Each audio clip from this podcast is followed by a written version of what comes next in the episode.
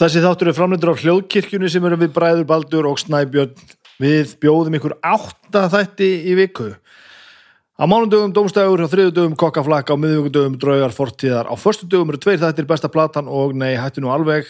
E, á laugardögum eru listamenn og á sunnudögum er þátturinn alveg dagsatt. En á fymtudögum áfram sem endranær er það minn þáttur og ég tala við fólk. Ég heiti Snæbjörn og ég tala við fólk.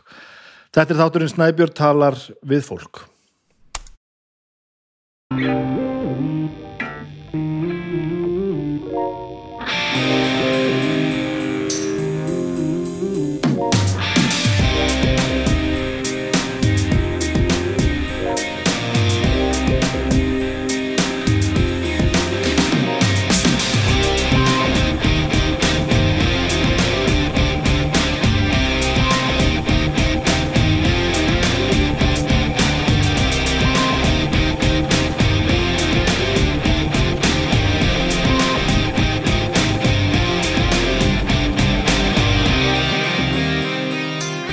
Komið sæl og blessuð, velkomin í þáttur minn Snæbjörn talar við fólk.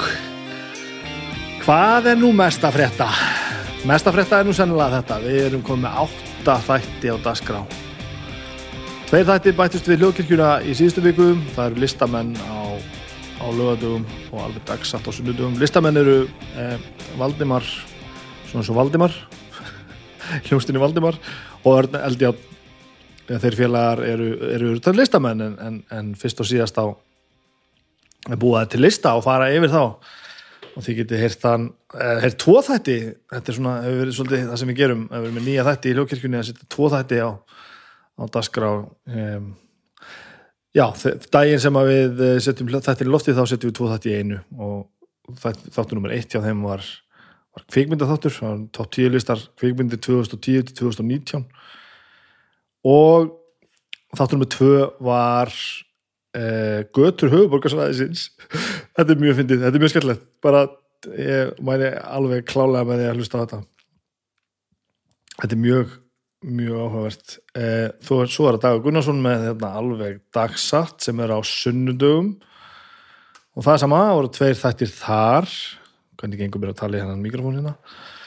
Uh, þáttur nummer eitt er Kamila Einarstóttir og sérstaklega viðtal við hanna og þáttur nummið tvö er Haldóra Geirharsdóttir þetta eru klukktíma þættir spjallþættir með svona smá þema ífa við og dagur náttúrulega óheimur skemmtilegu maður að, og, og við manninu sumulegis þannig að það er skemmtilegt til viðbóttar við allt hitt sem við erum að gera. Annað, það er alls konar að frétta greinilega, býtum við. Um, ég tók þá ákvörun þá skyndi ákvörun eftir að talað við, við, við svavar í vinnunum minni að ég get ekki notað 2012 laptop tölvuna mína Macbookin minn hérna í það að taka upp þetta, þetta, þetta hlaðvarp. Það er búið að vera oftar en einu sinni, oftar en tvissar hefur, hefur komið eh, stafræn skemd í upptökur sem ég hef og við hefum svona náða að klippa út af mestu. Þegar við vorum í sem mesta tímarhækinu þá veit ég að það voru einhverju þættir sem að það sem slapp í gegn svona smá, smá takni klunn Þannig ég varð mér út um tölvu í vikunni og hér er ég að tala inn í, ég er, ég er að tala inn í glæni að tölvu, MacBook mini tölvu sem að, nei ekki MacBook, Mac mini tölvu. Um, eins og það er heimilum mitt undirlagt hérna því ég veit ekkert hvernig ég ætla að tengja þetta. Ég tengdi þetta við sjónvarpið, var ægilega góð með mig, Mac mini er náttúrulega þannig að það er ekki skjár, þannig ég átti líklega bara mús, frábært sá þetta væri mikill hagnaður hérna, fekk þetta á einhverjum góðan kjörum tengdi þetta við sjónvarpið. Svo þegar ég var að fara að setja upp inn í gerðkvöldi fyrir viðtalið þá fatt að ég þess að tengið allt saman sama hana, og svo eru snúrundar ákveði langar bara hana, nú er ég að sittja hérna í öðrum endar ímisins, er að horfa sjónvarpið hérna lengst frá, þar sem að sagt, þar sem ég sé upptökun að fara inn á, inn á, inn á band svo ég sé nú örugur um að allt sé í gangi. Þar fyrir neðan er tölvan á stofuborðinu er hljóðkortið sem að mikrofónið tengast í og svo eru hérna snúru sem er rétt ná hérna yfir á eldursporið e, yfir í hljóðneimana og svo er ég með einhver ægilega framlengu hérna á, á headphone-snúrunni yfir í hljóðkorti líka, er, það er allt út um allt hérna. Ég þarf að endur skipa líka allt til fjandans. Ég þarf að færa hérna bara tölvuna nær mér og annarkort að nota Apple TV til þess að kasta upp myndinni eða, en mér vantar þá samt skjáfi. Ég veit ekki hvað ég ætla að gera. Ég veit ekki hvað ég ætla að gera. En þetta má ekki vera svona, þetta er algjörðrugl en kosturinn er, er sá að að upptökumálun eru komin í lag. Það voru pínu stressandi að viti ekki alveg hvort að tölva var var að gera það sem hún átt að gera. Þannig að þetta er nú allt gott. Um, hvað segið þið meira? Samstagsæðilar, sómi það er, það er kapli hvað þrjú af, uh, af jalapeno hummus frá sóma. Vorum við matabóð hér eða matabóð, fengum hér uh, vinn okkar í, í, í hjól með, með strá, strákarna sína tvo, gott, góði vinnur okkar Arnar og Íta, þau komu hérna og, og borðuðu með okkur áttu þetta greiðalega góðan dag um helgina. Um, og hér var, voru á borðum eins og svo ofta áður bæði okkar meginn og þeirra meginn þegar við borðum saman ostar og kjöt og hitt og þetta alls konar sultur og ágluð ímiskonar og ég, ég hendi nú í, í pannurkokkustabla það er best að ég mótti mikið um of. Ég klálega ger ekkert annað heldur en að setja hér á pannurkokkupönnuna þegar Agnes var búin að búa til soppuna. Ég hef reynd að búa til því eiginlega pannurkokkudeg og ég, hérna, ég klúðraði nú yfirleitt. En ég þarf auðvitað að æfa mig en hafa pín tímarak þannig að Agnes áum að set, setja saman soppuna. Ég stekti hérna góðan stapla af pönnukökum og það sem við höfum verið að færa okkur upp á skaftið undarfarið þessi hópur þegar við hittum sko og sérstaklega kannski ég og Arnar að, setja allan anskotan inn í íslenskar pönnukökur. Og við setjum alls konar ásta og, og kjött og, og allt sem á okkur dættur í hug. Harna kom uh, jalapeno hummus frá, frá Soma gríðarlega sterkurinn sem svona basi. Gott að setja setja bara einmitt ekki á lítið, passa sér á því. Hann býtur vel, þannig að það er gott að hafa hann svona undirleikandi góða slummu á, á pönnukökuna Íslenska pönnuköku takk ég eftir, það er mikilvægt. Og svo raðaði ég unna þetta alls konar osti bræðsterkum osti og, og, og, og alls konar dýravöðum. Og hinn og þessu og þetta, þetta er mikið viðbytt. Og fyrir utan náttúrulega hversu óskaplega stórkurslegt eh, fyrirbriði í íslensku pörningokundar eru þá er náttúrulega gaman að geta geta teikt það að mála þess lengra. Þannig að ég mæli nú klálaði með þessu. Bæði halapenni og humusnum og, og uh, útvíkaðar íslenska pönnukökur. Afskaplega gaman. Um, meira samstarf auðvitað ekki að grósters um, wow, býturum við sko. Ég um, ákverju á ég nú að byrja? Ég hitti Torfa í vikunni hittust í brautróltinu búið að opna þar aftur mikið er það gott búið að opna þar aftur og við settust það niður og hann svona hérna, hann er nú búin að hlusta þáttinn og ég myndi, hafði nú hérstað þessu með hérna halapenni og hummusinn frá Soma og hann var með hummus til að gefa mér og hummus og hvað, döðlumauk? Það er þetta kaupanskólar eitthvað svona. Sittast niður og, og, og borða og þetta er svona nastl fílingur einhver, þetta er ekkit eðlilega gott maður. Þannig að við borðum saman, borðum saman súpu það er að fá alls konar svona í hátteginu og hitt og þetta og við ákvaðum það í saminningu nú þetta að færa sig aðeins upp, upp á upp á nýjar kaffitegundir. Ég er búin að vera svona kera svolítið mikið á því sama. Nú fór ég bara í í, í glænýja kaffetegund El Libano. Ekki glænýja, glænýja hjá mér sem ég hef aldrei smakað dökk karmela eh, kakó og brown spice brúnt krydd. Þetta er þetta er ljúft þetta er svona, já þetta, þetta býtur minna heldur en sumt. Ég, ég, ég fann að ég bætti aðeins í umfram það sem ég hef verið að hella upp á uh, Donna Darko og Donna Nennem ég setja aðeins meira af El Libano og það er svo helviti smúð það er mjög ljóst og verður alveg smúð og eins og heyri henni viðtalauður Hjörtur, hann, hann, hann tók þessar kaffikonu og slátræðinni hann, hann var afar snöggur.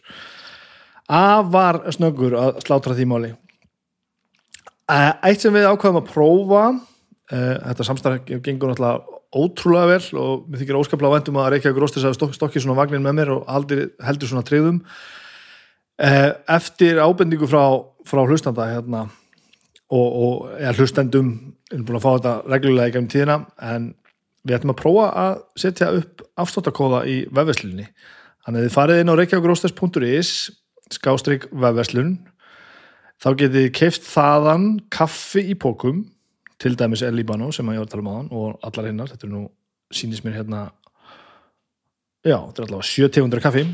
Uh, og þið getur notað afsláttakóðin afsláttakóðan STVF Snæbjörn talar við fólk STVF og fengi 10%, 10 afslátt af kaffinu þar.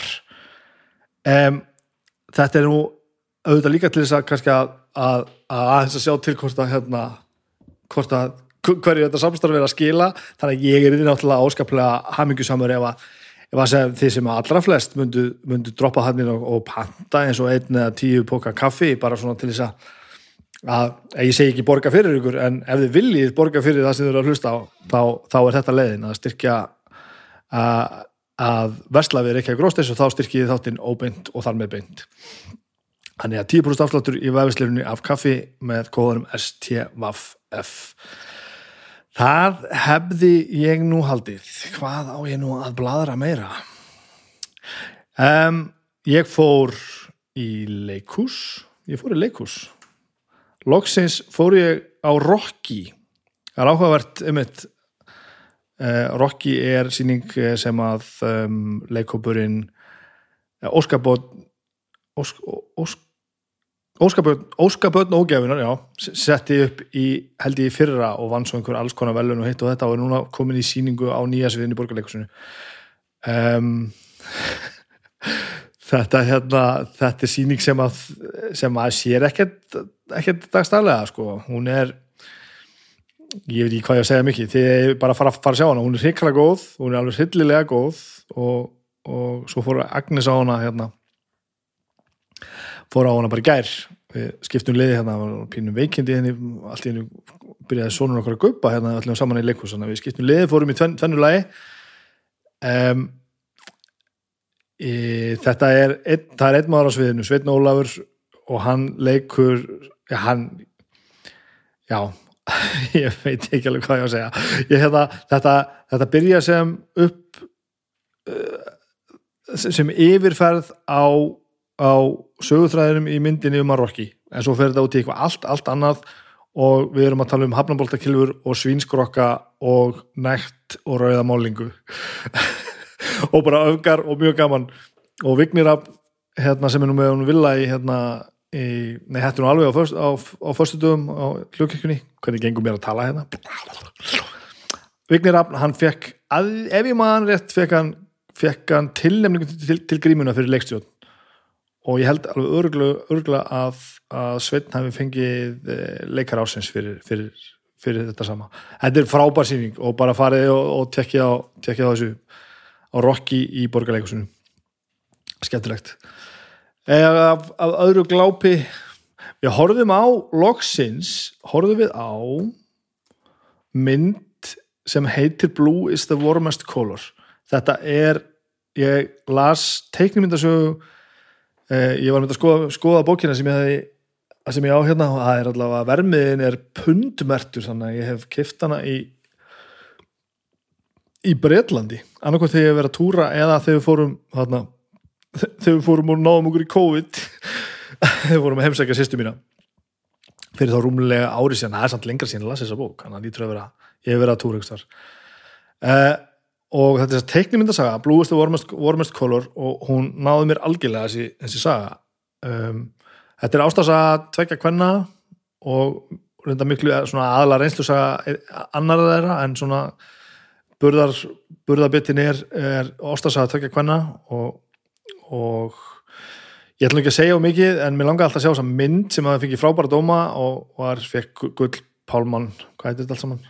Í kann og bara hún, þessi myndi síðan 2013 og hún er laung, þryggja tíma mynd og við uh, spóluðum okkur gegnum hana. Hún er ansi ólík hérna bókinni. Uh, hún, myndi náðu mér ekki alveg að velja bókin en, en kannski að því ég bjóst kannski bara við ykkur öðru en, en að því sögðu er myndin al, algjörlega stórkostleg. Hún er hérna hún er aðeins það er rosalega dimt yfir teknumyndasögunni, það er ekki alveg svona yfir, yfir bókinu og kannski er ákveðinu, ég ætla ekki að spóila því svona, þið er bara að lesa þetta og horfa á þetta. Þetta er, er svona þrungin ástasa, myndin er alveg ofbóðslega erotísk. Alveg bara svona alveg svona, maður skilur ekki alveg hvernig hún slapp í gegn erotísk, erotísk reynilega um, þetta er alltaf teknumyndasagan er það líka, hún er, hún er, er erotík þar en það er, hún, það er ekki gert svona mikið úr henni. Og þetta er bara voða, já, þetta eru þrý tímar á fransku og hérna Blue is the warmest color, hún er bara hún er algjörlega þess að horfa á hana. Bara mæli fullkomlega með. Þessu bara teknimyndasagan er, hún er bara hún er algjörð listaverk, hvað sem ég geti þá skulle allavega lesa hana, hún er, það er bara það er nú bara þannig. Já, já, já, já. Hverju ætli ég sé að gleyma hérna? Ég held að ég sé ekki að gleyma hennu, ég held að þetta sé bara komið nóga þessu djöfusis bladri já, Hjörtur Jóhann er gestur minn í dag, hann var nú bara að fara. Uh, ég ætla að vona að þetta hafa saman skilað sér inn á tölvuna þetta samtengi dót mitt hérna, því heyri nú hérna þegar hann kom hérna, þá var ég ennþá einhvern veginn að tryggja að það heyrðist í okkur og allt var í lægi og ég held að mér hef nú tekist það sko, annars eru baldur bróðum minn bara að redda ramagninu einhvern veginn en ég þarf eitthvað að gera hérna gera hérna í uppstillingamálum áður en ég gera þetta aftur í næstu viku við reddum því, við reddum því. En þetta er stórkostluðu maður. Ég, ég þekka hann eins og kemur fram hann í byrjun. Ég þekka hann ljómandi vel, við spilum saman Dungeons and Dragons einu sinni í viku. Og hann fer í hennar flokk vinna mína sem er þetta já, þetta fólk sem maður kynnist setna á lífs, lífsliðinni og þó maður kynnist því sé vel þá einhvern veginn veit maður ekkert hvaðan fólk kemur. Og ég, hann sagði mér rosalega margt sem að ég vissi ekki um hann. Og og við tengjum á ótrúlega mörgum levelum. Það var svolítið áhugavert að hann skildi hafa upplifað sama og ég að lenda í einelti innan vinahóps, vera partur af vinahópi sem einhvern veginn, eins og hann orðaði það svo fallega í náðan um, að vera bara einhvern veginn svona neðstur í goggunaröðunni áhugavert. Þetta er allavega uh, þetta er, það var frábært spjall og, og það líður nú ekki á löngu hún til að hitta hann aftur af því við ætlum að spila saman D&D á morgun. Uh, ég ætla að hætta þessu blæri njótiði vel og og og og, og haf njótiði bara vel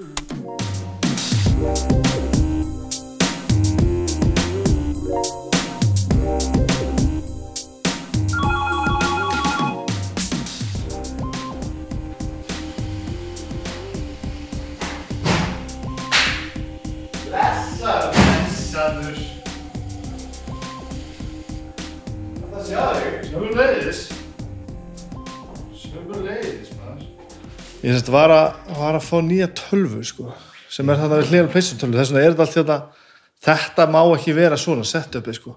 þessar snúru sem liggja hérna um allt, sko, það má ekki Nei, nei, nei, nei, nei. að þú ert svolítið að, að þú ert að koma hérna inn í einhverja prototípu, ertu hérna, má heyri þér? Já, veitu, halló, halló, halló. Já, heyrðu þetta- þér? Og ég verið með svona hirtnadól, já. Nei, Nei? skulum ekki gera eins og þess Já, já, já. Ég er að koma inn í eitthvað prototípi hérna. Nei, þetta er, ég held að þetta sé alltaf, alltaf á hérna hann að núna er ég að horfa á þetta gerist í sjónvarpinu sko, verður Já. að hafa bara haft laptopin hérna Já, sko. einmitt.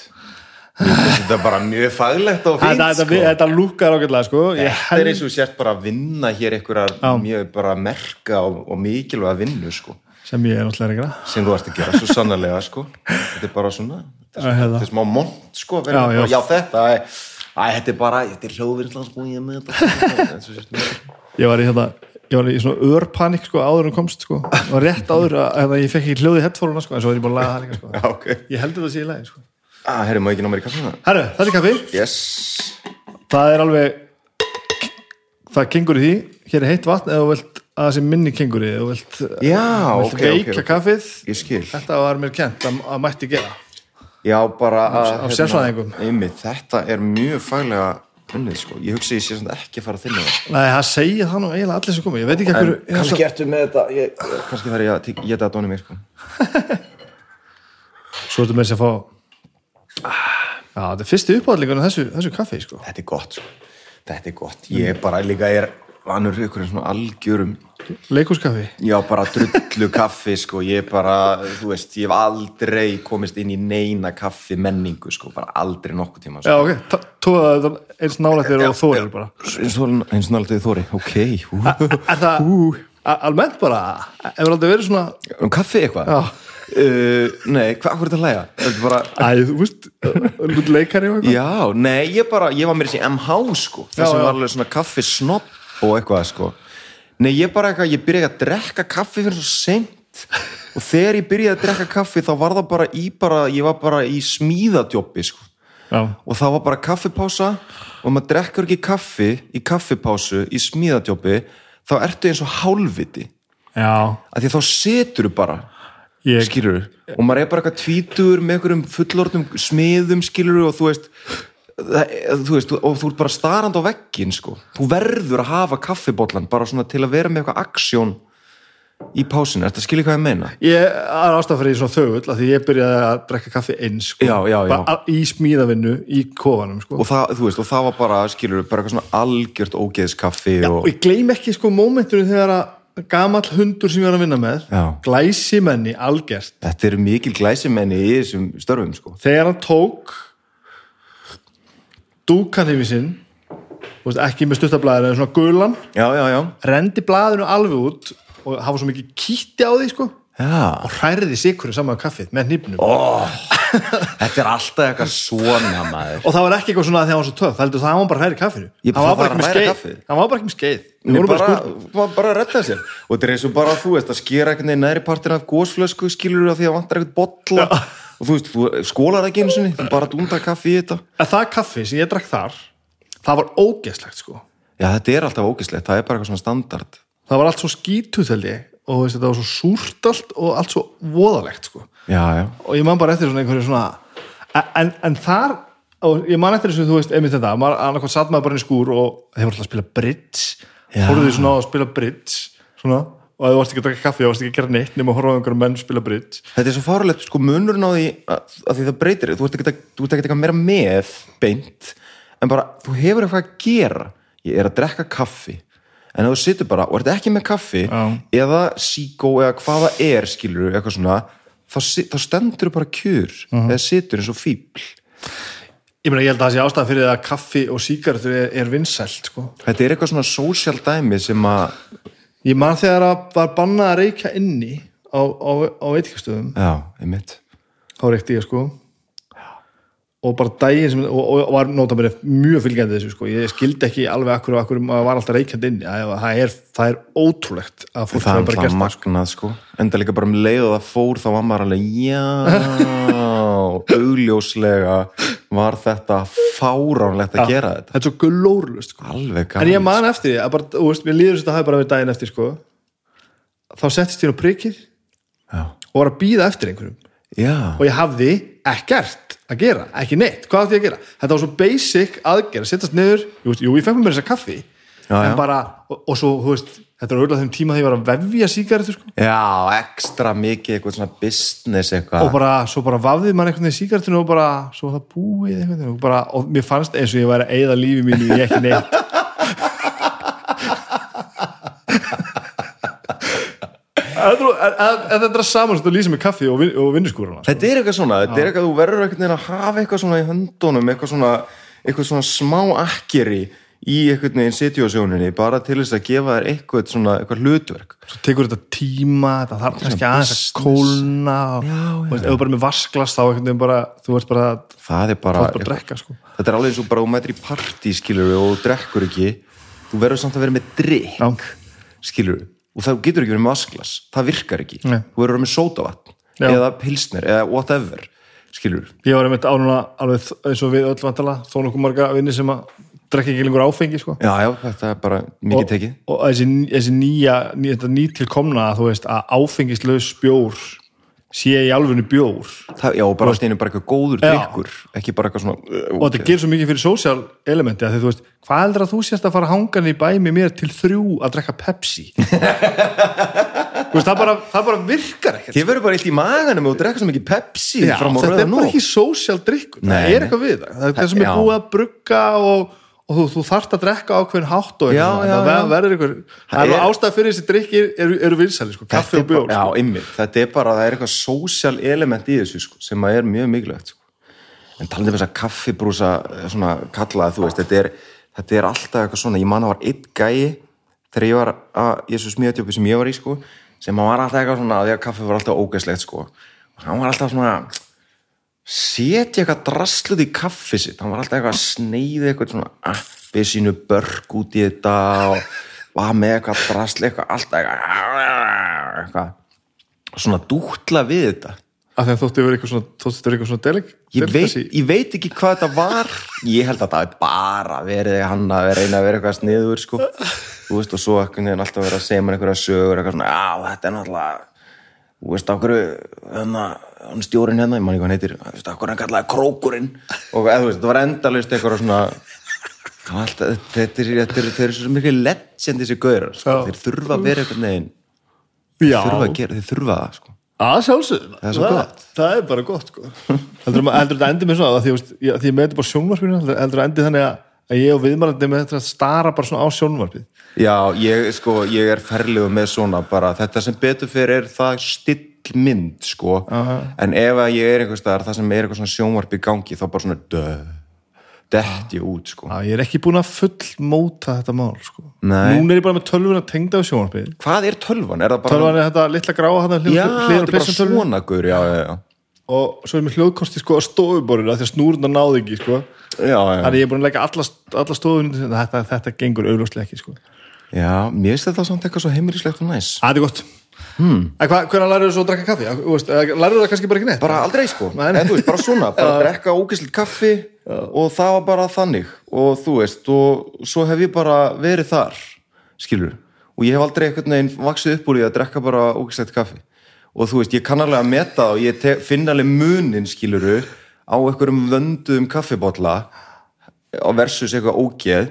En mér er slétt sama veistu hvað ég meina, ég er ekkert eitthvað ó, nú, ó, þessi, nú alveg mér er bara, veist, þetta er bara kaffi skilju, við erum með kaffi barþjótt sko, hann fannst þetta alveg ferlegt og var að, alltaf að reyna að fá mig til að svona svona kunna meta svona, eitthvað svona fínur hlutir í lífinu, eitthvað svona. Og bauð mér upp og var alltaf að reyna að koma í mig einhverjum kaffi, drikkjum einhverjum. Og ég man alltaf að vera hann gerði eitthvað drikk fyrir mig sem að var eitthvað svona verðlunandi drikkur, þetta var náttúrulega kefti í þessu og læti sko sem hétt, og þessi drikkur hétt Draumur Indjánans. Já, já. Og hérna og ég veit ekki hvað hann hétt það sko, því ég er ekkert sem að Indjánar sé eitthvað tengdi kaffi menningu allavega. Ekki það ég veit neitt um það. Láttu sér dreyma um kaffi allavega.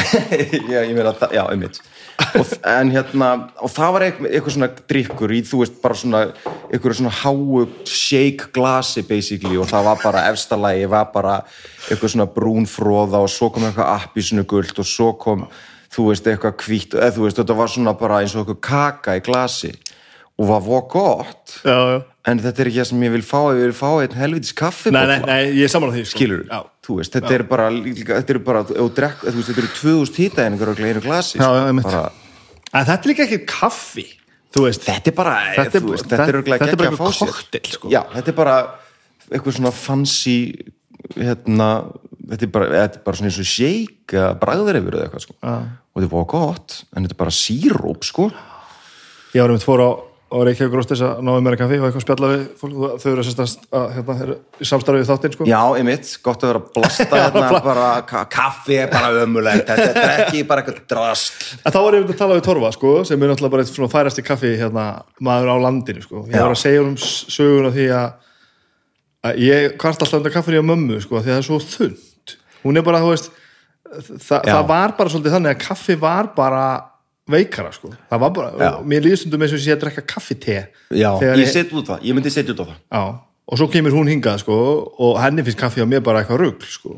já, svo Hún, hún fyrir alveg í rauðabrúsan til þess að, til þess að hérna, já, já, og það er bara, þú veist, þetta er bæði spurning kannski mögulega eitthvað hvað maður er alveg uppið og líka bara smekk og svona, en svo var ég eftir að segja við, við Torfa, svo fór ég heim til mömmu og hún hefur vantalega verið búin að hlusta eitthvað á stráki sinn. Já, já, já, já, og var búin að, og bætti aðeins í kannski bókan, sko, og mamma hellir upp á sko, hún átti svona gamla svona 90s könnu sem var svona há, með svona plasttrekt og í svona álkönnu Já, svona, og svo alltaf mekanismin er löngu döður sko, þannig að hún er bara löngu búin að henda því og er bara, veist, með trektina og könnuna að hella úr kallinum, sko. Já, bara basic. Og svo fikk ég, kaffibólan og hann var svo fárálega góður sko. ég bara, ok, nú hefur hún farið og kifti eitthvað fancy stöff eða eitthvað bara, bara djúfull er þetta gott kaffi, gamla hvað hva, hva er að gerast þetta þetta er nú bara merild. Já, og þá ég var að segja þetta á torfa bara, já, það kemur ekkert í staðin fyrir þetta tött, sko. Já. Þegar að mamma einn er bara að hella upp á kaffi sem að hún vill að þér finnist gott. Ah, það er náttúrulega og þarna tók mesti kaffi maður landsins sem allar sem ég hef hitt sko, Já. tók bara þessar kenningar og bara þú getur montaði eins og vilt en ef þú hefur ekki þetta það er ekki með þetta sko? Nei, og ég ó, bara, ah, djú, þetta er gott. þetta er gott sko. það var nú bara merild bara merrild með bara touch of love sko. algjörlega. Það er bara líka málið sko. einhver góður hellir upp á góðan, kaffi, góðan kaffibólla fyrir þig sko, þá bara kann maður betra með þetta það er bara sami ekki hlutina sem skiptir það er alltaf, það er alltaf nákvæmlega þannig sko þannig að þetta er mjög gott kaffi. Þetta er mjög, en þetta kaffi er náttúrulega ekkit eðlilega gott sko. og, og svo verður þetta svona eins og allt annað sko, maður svona dý, dýfir sko tanni í þetta sko, nú er ég alveg, þú veist, með einhverja, einhverja fáralegar aðgerð hérna að hella upp á sko. já, ert þú með alveg bara ég hellir nú upp á mokkakörnuna alveg, stendur hún ekki upp á eld, já, jú, ég sen hana. Og þú veist, einhver svona lítil trikk sko, sem hann var að kenna mér sko að þú veist hita vatnið í hraðsugukalli áður og setur í könnuna já, til þess að kaffið sko malaða kaffið standi ekki í hitanum vel lengi, þá ríkur allt upp úr því sko. Setur bara heitt vatn í könnuna þá byrja strax að sjóða upp úr því hún er bara á eldavélinni bara í örfáum mínútur sko. já, og ég abi testa þetta bara og það munar bara öllu sko. það er bara ok, hvað, þú veist það þarf og þarna, þarna fyrir maður að vera bara ok, það er ekki hægt að hella upp á kaffinu ég er alltaf konfliktið með svona hluti sko, af því að annars vegar hef ég svo ógeðslega gaman að þessum nördaskap sko, og vera bara, já, sjáðu til, þú verður að gera þetta svona, svona, svona og það má ekki hittast í, ég má ekki vera ba, ba, ba, ba, ba. þú veist, og mér finnst það geðveitt skemmtilegt og áhugavert en svo er ég líka bara eitthvað, æ, come on, þetta er bara kaffi hvað munar það þó að bla, bla, bla, bla, bla skilur Mm, já. og ég bara, ég flakka á milli sko. -hmm. og þetta er svona með allt, þetta er bara, þú veist með svona vín og eitthvað dót, þú veist bara, maður vill f- fá eitthvað fínt vín og það er eitthvað bó, bó, bó þetta er svona, svona, svona, eins og þú veist ég myndi aldrei geta að spotta hvað veri ódýrt vín og hvað veri fínt vín ykkur blindsmakki, sko Nei, nei, no nei. way E- eða svo er líka bara ótna kenningar upp um það að séu bara mjög fáir sem geta þetta í raun og veru sko. já, að þú veist uh, annað hliðstætt sem að stendur mér nú mjög næri er hérna er hljóðfæri já, einmitt, einmitt, tala, sko, einmitt. þú getur fengið fínan ramaskítar sem virkar bara drullu vel fyrir 20.000 sko. Mm. það er bara gítar sem ég kæmis bara í gegnum heilt gig með sko. já, og það væri bara allt í lagi Já. ég myndi alveg finna að hann er ekki frábær sko. svo getur þú fengið gítar upp á 2 miljóni sko. og náttúrulega það er, það er upp úr fattaru Já, og það er alltaf verið að horfa á grafið sko, þú veist, alltaf þetta, þetta hérna logarithmiska graf að þú veist, því meira sem þú eyðir, því minna farið fyrir hvað þú skal sko. Já, þú einmitt, einmitt. 200 skona gítarinn er ekki 10 svona betri heldur en 20 skona gítarinn Nei, nei, nei. en hann er betri sko. Já, já. og svo er enn minni munur hlutvarslega á 200 skona gítarinn og 2 miljón skona já, gítarinn sko. einmitt, einmitt, einmitt og það er svolítið í tísku á internetinu núna hérna, að blind prófa hljóðfærin sko. já, einmitt og það veit engin neitt Nei, ég meina líka, þú veist, á okkur um rocktónleikum skilur, þú ert áhranduð í sal, þú ert ekki eitthvað, mm, Nei, ég er að tala um manni sem er að spila sko. já, ekki einu sinni bara tónlistamæðurinn, já, ba bara gítarleikari sem tekur gítarinn með bundi fyrir augu já, og spilar veist ekki neitt sko. nei, auðvitað þegar, þegar að, öfgæður eru mikla sko. þegar þú ert með veist, mjög ódýr hljóðfæri og mjög dýrt, þá finnur þú munin sko. já, ég meina, þú hlýtur að finna munun á okkur um gítar sem kaupir í hagkaup, heldur hún bara kaupir bara Já, og það er þannig sko. það er þannig, En- þegar uppi staði sko, þá er þegar við erum að monta já, þessi, er hérna- já, þetta er hérna Amerikumótilið já, akkurat, já, það er svo, á, djúð er hann smúð hérna. það er bara að þú veist hann á að vera smúð sko. en, en að því sögðu, þá þú veist má heldur ekki gera lítið úr því að þú veist þú til og með spilar öðruvísi á þannig hljóðfæri sko. Já, absolutt að því þú veist hann er góður meira Það heldur en og þá verður bara þú góður Það er málið, sko. Þetta er bara, þetta er bara, þú veist, það er bara confidence í hljóðferðin og þú veist, ég var að ræða þetta við mitt vinkunum mína sem að dótturinn er að, sp- að, að spila hljóðfæri og það, það kemur alltaf þetta eilífa konflikt bara að hún vildi ekki hennan gítar því að hann var svona litin og okkur fannst þetta eitthvað astarlegt og það stjórna þessu Bara, er það astarlegt? Nei, ha, þetta skiptir öllu máli sko. Já, ef að þér líður ekki eins og sé töff með hljóðfæri þá spilar ekkert jafn vel Það er bara 90%, pro- 90 stæði að vera bara liturinn á hljóðfæri skiptir bara sér hann geðið eitthvað rauða bassa eða þú veist heldur ég væri svona góður á bassa ef hann var ekki rauður það það. er bara ekki þannig sko. Og Þetta var einhver asnalegu bassi Það var bara, þú væri bara svo hálfviti sko. Þú myndir ekki geta spilað sko. En þetta er líka bara skemmtilegt skilur og vera eitthvað, lefa sér eitthvað svona nördaskap menn það er bara gaman að þessu og það er bara, það er bara frábært En eitt þúli ég samt ekki og ég er mjög hrifin að því og, og það er yfirlt þegar að út komin í hæsta klassan það sem að það er mitt lagast eins og, eins og, með, eins og torfið er að sína með, með þetta kaffi sko. Já, að þegar plebbismin er farin sko.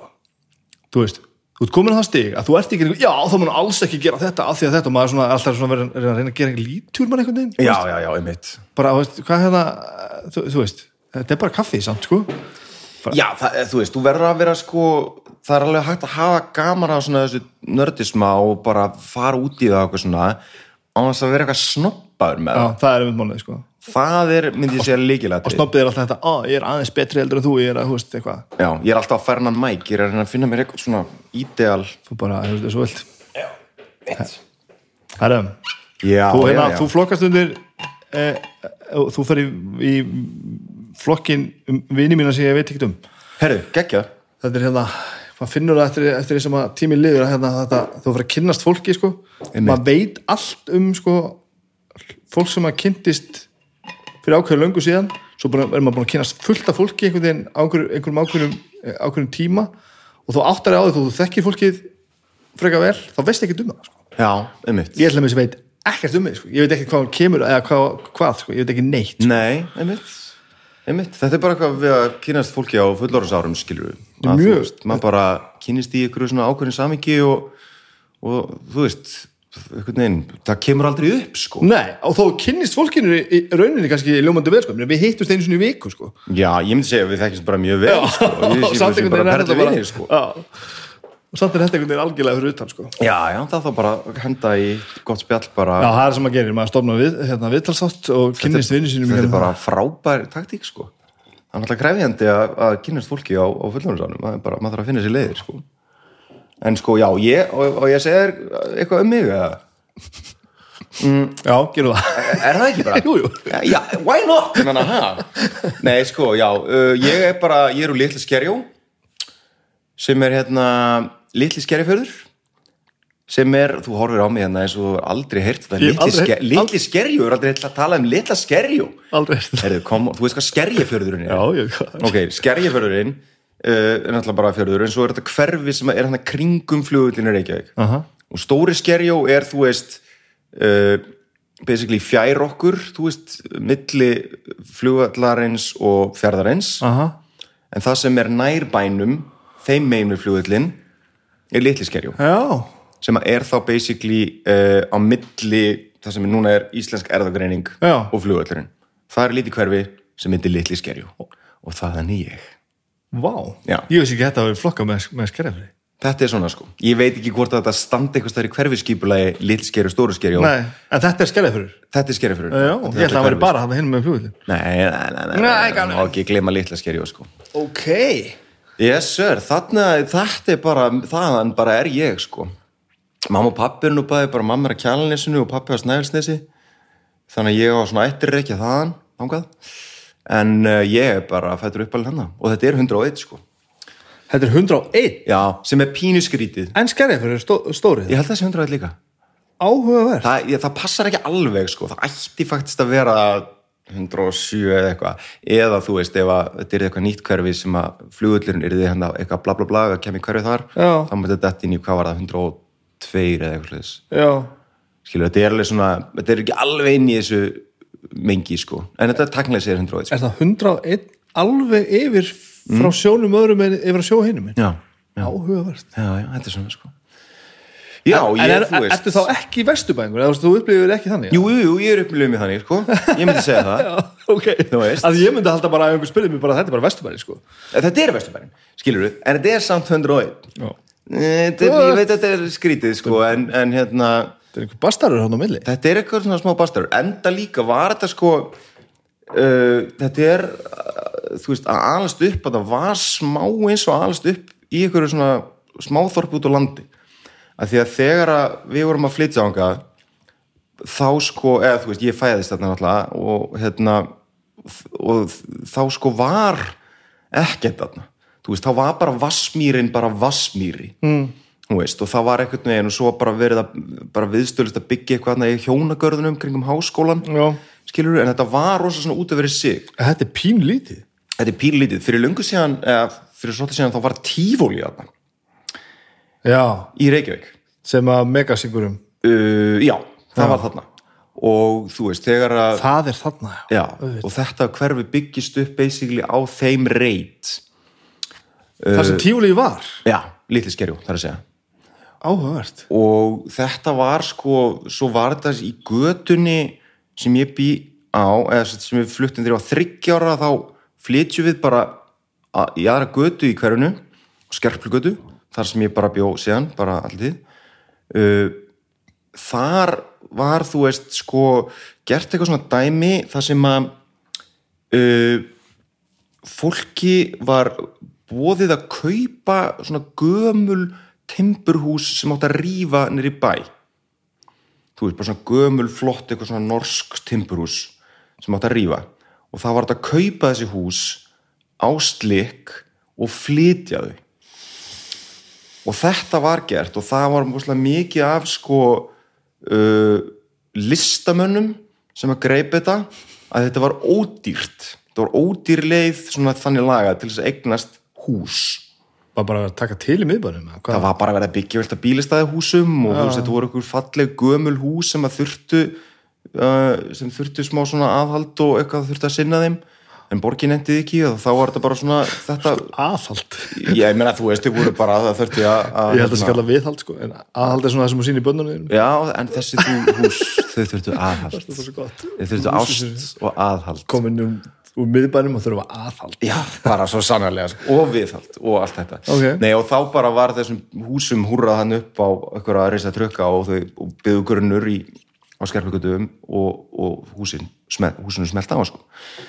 og, hérna og, svo er þetta þú veist, svo er hérna vegurinn yfir Vassmýrina var bara eitthvað svona malarslóði og eitthvað þannig að við vorum svo mikið útaf fyrir okkur og þetta var bara eitt svona þú veist, svo var bara geðveikt mikið eitthvað svona byggingasvæðum í kring og, og þetta var svona algjörst æfintýraland Flugvöldurinn er bara eins og hann er núna, ekki? já, cirka bát, cirka bát Og háskólinn, er það þá bara eiginlega næsta bygginga? já, og þá er ekki komið neitt af þú veist, uh, þú veist næsta bygging í háskólanum með bara oddi eða eitthvað Já. svona, eða þú veist, það Já. var bara svona Já, nákvæmlega Skilurðu? Já, ég er alveg að hugsa það mitt ég, þú veist, þessar nýbyggingar sem eru komna núna, það er náttúrulega bara svo það byrja, þessar uppbygging á því byrjaði ekki í háskólanum fyrir bara fyrir stuttu síðan, sko. nei, nei, nei. Já, þannig að við vorum þannig bara og það var, þú veist, svo var þetta svona alveg, þú veist, það var svona stór hópur af krökkum á sama aldri og, og veist, þetta var svona stemming þar sem að bara krakkarnir hlupu út á mótnana og svo komu fóreldrarnir bara út á tröppur á kvöldin og, og kölluðu nöfnin og krakkarnir skriðu upp úr okkur um drullubollum og Já. byggingagrunnum og hlupu inn að bara kvöldmatt, sko. Þetta er bara mín æska frá laugum sko. Því að bjó, bjó alltaf, flutti ekki tlúsæk fyrir ég var 12 sko. Já, já, já, já, Byggum hann á lau- laugum sem er svona hálftíminni landi sko. já, einmitt, og það var bara svona, það var svona lítill kjarni sko. já, og það var einmitt, ég, ég man þetta alltaf sko. þetta bara, þú veist, þú fórst bara út og svo var bara galað af svölunum, bara eða þú veist bara yfir alla sveitina, sko, þetta er svo stórt flæmi sko. bara, En þetta var svona líka bara hjá okkur að þú veist, nema bara einhvern veginn inn í miðri Reykjavík.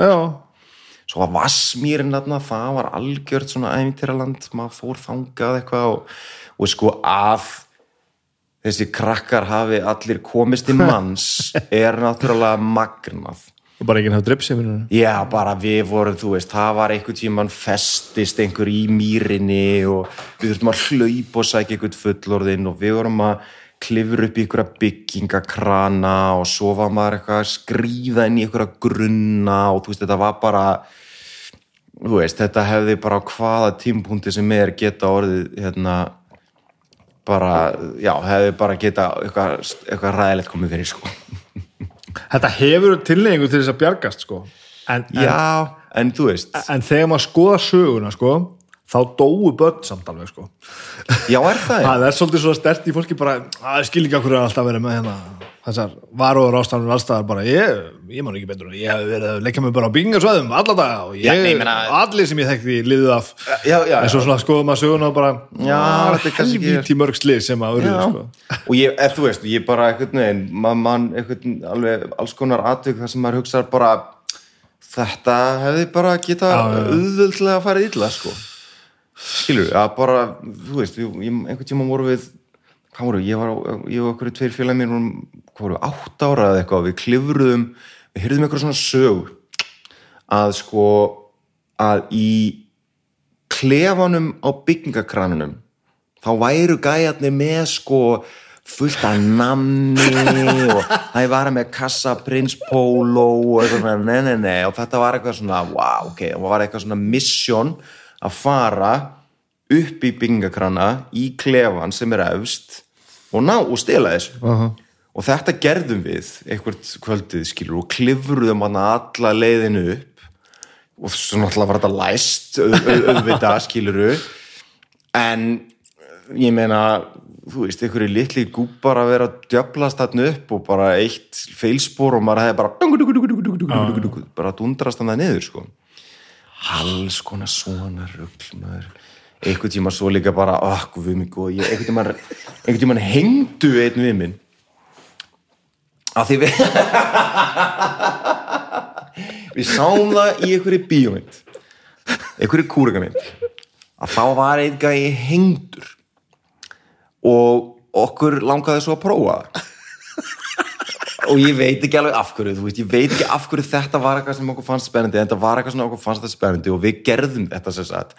Fundum eitthvað reypi, fundum príluðum upp í eitthvað stillansa og eitt Það með sjálfbúðlega bara Já, já, þetta var bara allir saman í þessu skilur og svo bara, þú veist, er við eitthvað nokkur, er eitthvað ákveður reypi eitthvað að toga eitthvað reypi og hann hangir þarna og svo bara kemur allt í hennu eitt fóreldrið að þessu og bara brjálast og eitthvað svona.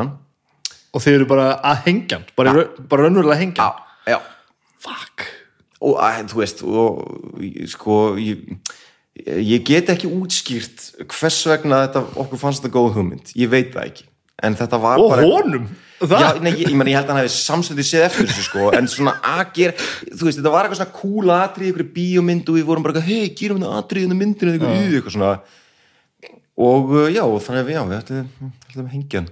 Og, og, þú veist og svo var eitthvað, ah, þetta er endalust eitthvað svona endalust að skríða von í eitthvað svona hálf svona sokkana grunna sem eru svona fullir af vatni og ösla um og þú veist, svo, þú veist, ferðu og þú veist, getur festistu eitthvað staðar inn í einhverju bakarbyrgi og er alveg myrkur og, æ, þú veist, þetta er hann að senan í hérna, þetta er svo tölvuleikur bara já, já, þetta var þannig sko, en þetta var algjört æventurland og ég er óslega þakkláttur fyrir þetta sérstaklega að því allir lifðu af sko en hérna, ég er mjög óslega þakkláttur fyrir þessa æsku, að þetta Já. var svo mikið bara þetta var svo mikið safari allt saman sko hvað hva er þetta í skóla alltaf?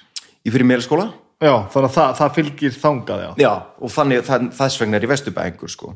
því við fórum öll í, þú veist, hagaskóla, Já. melaskóla það dæmi, sko e, Já, Ég er ekki við sem ég hef komið inn í þetta hverfi, sko. nei, það er þú, það er ekkert skrítið veist, það er ekkert, þetta er ekkert á leiðinu neitt sko. Nei. þetta er algjörlega út af fyrir sig núna er þetta náttúrulega komið svona inn í þetta inn í þetta eh, hana, Silicon Valley sem þetta, sem Vassmýri er orðin Já, og hérna, en þetta er samt svona, svona mjög út af fyrir sig mm. og þetta er ennþá einhvern veginn bara frumbyggjarnir sem að búa þarna sko. hvað er þetta gamalt? Hvernig er þetta? þetta er, ég er fættur 85 uh, þetta er bara 85 til og ég, ég bý þarna bara, við flytjum við, bý, við búum í einu hús sem ég er þryggjára á Þjórsargötunni og svo flytjum við uh, á Skerplugötuna og, og vorum þar með þess að göturum sem ég bara var ekki að heyrt, sko. nei, nei, nei, það er Reykjavík við verðna Reykjavíkur viður. Reykjavík verður held ég vegna þess að sko fyrir hérna löngu þá, þú veist, var þetta ve- vegurinn sem fyrir svona þverar beinti gennum hverfið var á einhverjum tímapunkti tengdur síðan veginum sem að fór í gegnum Vassmýruna og síðan bara upp í Þingholtin sko Já. og var þá einhvers konar Reykjavík vegur Já, langur, sko. svo bara klippist af þessum vegi og allt í henni bara til einhver pínlítill stubbur, vegstubbur inn í þessu, inn í Lillskerjó sem heitir Reykjavíkur og eitthvað svona sko Vá. en já Fyndi þið eitthvað svona nálaðt mann er eitthvað bara sem maður hefur bara ekkert hugsað út í maður. Já, mér, þú veist, ég mér veist, hérna ég gleymi því alltaf að fólk veit ekkert um þetta af því að mér, af því að ég af því að það er eðlilegast að heimi fyrir mér en hérna en já, þetta er svona þetta er svona falin perla sko, og það kemur svona fólk að það sem ég sé er, er að fara eitthvað svona eins og eitthvað útsýnsferð eða eitthvað, Að Ég áttur að gera það. veist. inn, sko. Ég, núna bara þarf ég að fara upp í minn og bara skoða já, og þetta eru þú veist svona gömul og bara falleg svona bárjáts og timburhús það verður svo mikil umferð núna þetta er Já, já, já, sko. ég veit það sko, og þetta er bara að splundra það. Já, já, en fastegna er að fara að rjúka upp sko. það og svo er líka búið að sína það er svo látturlega núna. Já, mjög, ég meina fastegna markaðurinn og svo er búið að sína húsunum sem ekki aðhald og, já, það er aðhaldið sko. En ekkert viðhald sem er Nei, synd lítið við það en opaslega mikið aðhald. og hvað, veist, hvernig, hvernig hérna hvernig er hvernig, fjöl, hvernig fjölskyldu hvernig eru þín í fjölskyldu hægir Herðu, hvern- sískinni og Herðu, já, ég er bara hérna á uh, eina alsistur -hmm. svo ég uh, tvær hálsistur og eina fóstusistur já, og uh, þær og, hérna því að uh, bara sem eru fyrir hjónaböndum pappa og uh, fyrir dögum, sá það? Já, vel gert. Já, já, já, já, pappi er náttúrulega bara sko pappi er uh, orðin, hann er 42 þegar hann á mig sko já, já, uh, og hérna þannig að hann er bara búin að lifa heilu lífi þegar ég kemur söguna sko. já ég, einmitt. ég var sirka á sama aldrei þegar ég byrjaði eitthvað spönnu ég var ekki bara að gera djaks sitt það er náttúrulega bara tímandir sko. það er bara, menn þurft að koma hlutum í verk að rétt, já, það er daga sko. nei hérna já og uh, já það, sagt, og, og þessar hálsistu mínar eru sko eru bara tölvert eldri skilu, það eru bara kynslun eldri en ég. Já, og hérna og uh, svo er á ég eina yngri sýstur svona Sigular sem er þreymur árum yngri en ég. Og uh, já, og við bara öllumst þannig upp saman sko, bara svona lítil kjarnaði fjölskylda sko. Fóröldur og tvö börn. Mm -hmm. yes, yes, yes og hvað er, er, er, er þessi lista stefna á heimilinu að þú veist Já, hún er það. Þetta er svona fjölskyldu fægið. Uh, Að leika? Já, Já, já. basically sko. Bæði mamma og pappi eru leikarar um, og, uh, og, uh, og ég er leikari og yngri sýsti mín er leikona og uh, Helga Braga er náttúrulega önnur hálsýsti mín, hún er náttúrulega leikona og, og hinn hálsýsti mín er, er hérna óperusönguna. Já, þetta er alveg sotta bara. Og uh, svo er hérna, en svo er fórstsýsti mín, hún er hérna hótelstýra. Hún er svarti söðurinn svona í fjölskyldinni sko. eða kviti, mögulega hvíti, já, já, já, já, bara þetta er náttúrulega ferlegt sko. En þá að mér fyndi að hérna, þú veist, þetta er sko ég ætla aldrei að verða leikari sko mér fannst það að vera hræðilegt jobb að fara í sko. Uh, að því að, já, mér, ég bara ég held alltaf að þetta væri svo mikið svona þetta væri svo mikill einhver hórdómur já, að vera leikari, eða þú veist, ég sá fyrir mér að, að þetta væri svo mikið eitthvað svona að ég maður þyrfti viðstöðlust að vera eitthvað neina eitthvað, ég sá eitthvað neina fyrir mér að það að vera leikari væri bara að vera einhverjum endalusum veislum og bóðum að reyna að sleikja eitthvað fólk upp til að fá vinnu ég held að það væri að vera leikari er það ekki raunveruleikinni á þessi mörgum? kannski, ég veit það ekki en það hefur bara blessunlega ekki verið mín reynsla Nei, uh, og þú veist uh, og ég held að að fólk ef að fólk hugsi það þá held ég að fólk ofmetið að verulega þann hluta starfsins sko. já, já, já sérstaklega allavega hérna heima sko. þú veist það er bara ekki þetta er bara ekki svona mikið eitthvað svona uh, eitthvað snappa upp einhverjum djótt í einhverjum visslum eða þú veist, þetta er, þetta er miklu bara reynslubaseirara held ég sko. En er þetta ekki líka bara hefur þetta ekki líka bara breyst? Þetta voru bara svolítið stóru leikhúsin og svo bara einhverjir aðrir að dútla sér eitthvað, þú veist. Jú, það voru bara allir að keppast við það að komast stó- stóru leikhúsin og ef þú varst ekki þar þá hafður basically svo, næstu því bara ekkert að gera sko. Jú, þetta er náttúrulega breyst rosalega og kannski sérstaklega með sko, þú veist, bæði hefur bara hérna, þú veist, sjálfstæða senan stækka alls svakalega já, og virðingaskalin líka, þú veist þetta er alltaf rámt orðað, þetta hafður eitthvað að gera ég meina, en já, virðingin fyrir því jobbi var einhvern veginn svo Já, fáránleg, það hefur sko. gjörbreyst Já. það hefur alveg gjörbreyst þetta var auðvitað uh, hérna sko rosalega mikil hýrarkja skilur að vera uh, þú veist, þjóðleikúsleikari hefur vantarlega verið flottast svo mentaður á Íslandi menntaður- og svo bara þjóðlíkusleikari já. Já, það er flottast Það flottast, sko. Svo svona, og fínt kannski að vera í leikfélagi Reykjavíkur mm. -hmm. borgarleikusinu og svo bara ef þú varst ekki þar þá varstu bara ekki leikari skilur Mæni. Get ég myndi mér, ég, þú veist það er alltaf fyrir mín tíð sko já, ég, En- sko ég var nú ekki með hausin á kafi þessu. ég man, sko ég er þá sjö ára meldur en þú Já, ég man eftir vinnu mínum að, að suppast í þessu sko já, já, að þá lifið, þá eimdi ég þá eftir þessu að bara, þú veist, og bara fórst ég í gegnum leiklistaskólan og fegst vinnu við stóru leikhúsin þá fannst þér þetta einhvern veginn þá varst ekki alveg búin að gera það sem þú ætlaðir að gera sko. nei, nei, nei, nei, einmitt sem betur fyrir breytist það sko. Já, bara ekki spurning sko. Og svo náttúrulega líka bara hefur þú veist orðið svo mikill vöxtur í bara kvikmyndagerð og sjónvarstáttagerð og öllu þessu og, og svo líka bara getur fólk farið út og bara vinna úti og læra úti og þetta er allt orðið bara miklu opnara og bara eðlilegra myndi ég segja sko. Þú veist að því að bara svona einhver hýrarki á eitthvað svona snopp það bara, það er ekki hægt að vinna svo leiðis veistu hvað ég meina? Alveg, það er bara, bara saman við vorum að tala um hljóðfærin og kaffið sko. skilur, þú verður bara að geta þú veist, að að þá ertu bara í einhverju, einhverju svona ego-ruggli og það bara þvælist fyrir, sko en sumir eru náttúrulega samt í þessu á þeim forsendum og ekkert bara þessu, náttúrulega mjög mörgu öðru sko. já, auðvitað, ég meina uh, í sko uh, þú veist, það er ég meina, óhjákvæmlega bara sjúklega mikið af egoi í Já. þessu bransa, sko þú veist, það sem að fólk er að vinna bara vinnutækið þetta ert þú sjálfur, sko uh, en ég myndi segja svona að sko eitthvað skonar svona, þú veist, hróki eða yfirlæti eða eitthvað svoleiðis það bara, hérna það kemur til með að bara þvælst fyrir sko. -hmm. og það er líka eitthvað sem ég held að sé eitthvað, þú veist, mér stafa breyst bara alveg svona frá því að ég byrjaði fyrir uh, byrju, wow, hvenar útskrifa, ég útskrifast 2012 úr skólanum hérna heima og bara síðan þá hefur mér þótt bara svona alveg sko vinnustæðurinn hafa breyst helling.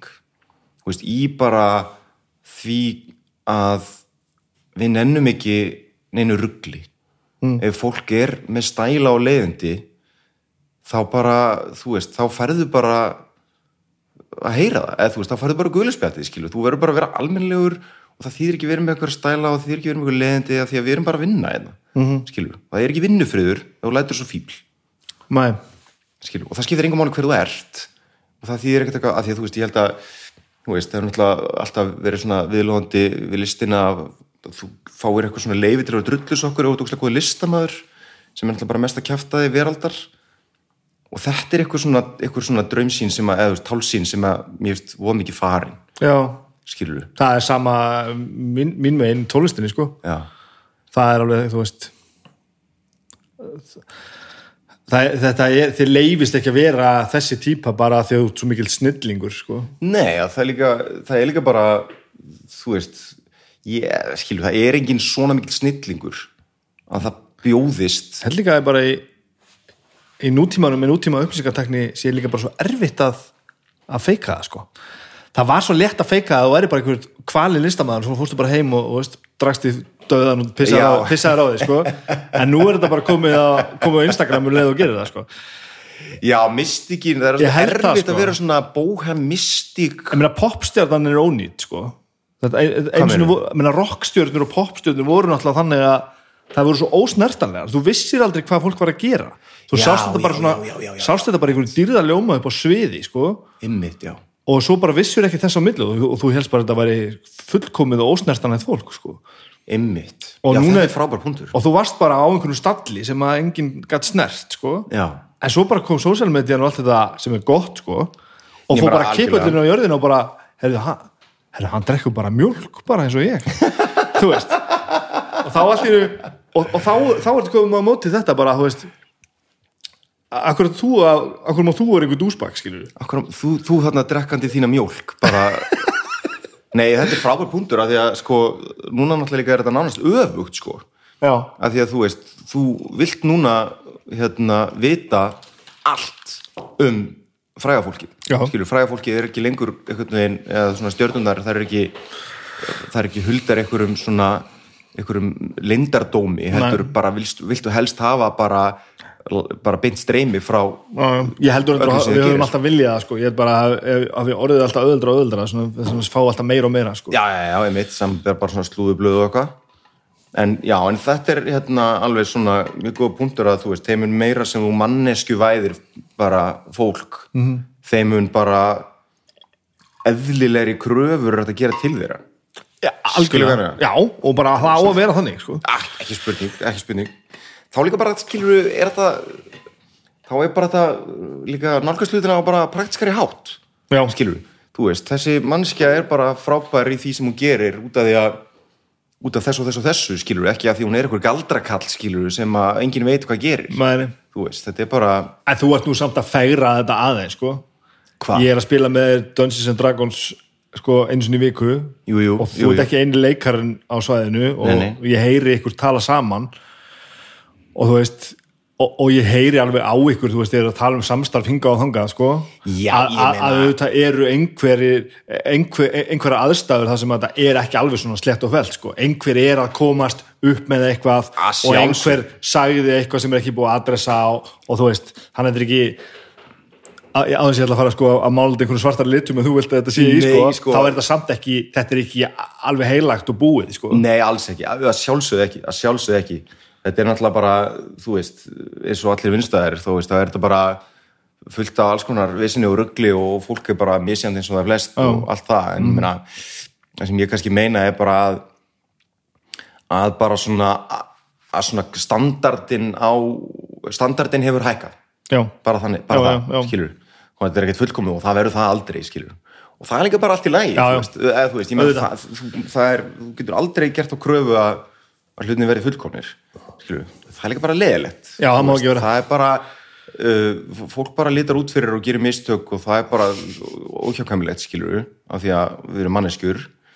En við getum bara verið vakandi fyrir því og bara gert kröfur og adressa það þegar eitthvað kemur upp á og tala um hlutina. Það er held ég að segja bara svona kannski megin máli að þú veist það er bara sagt upphátt já, já, já. þegar eitthvað kemur upp á.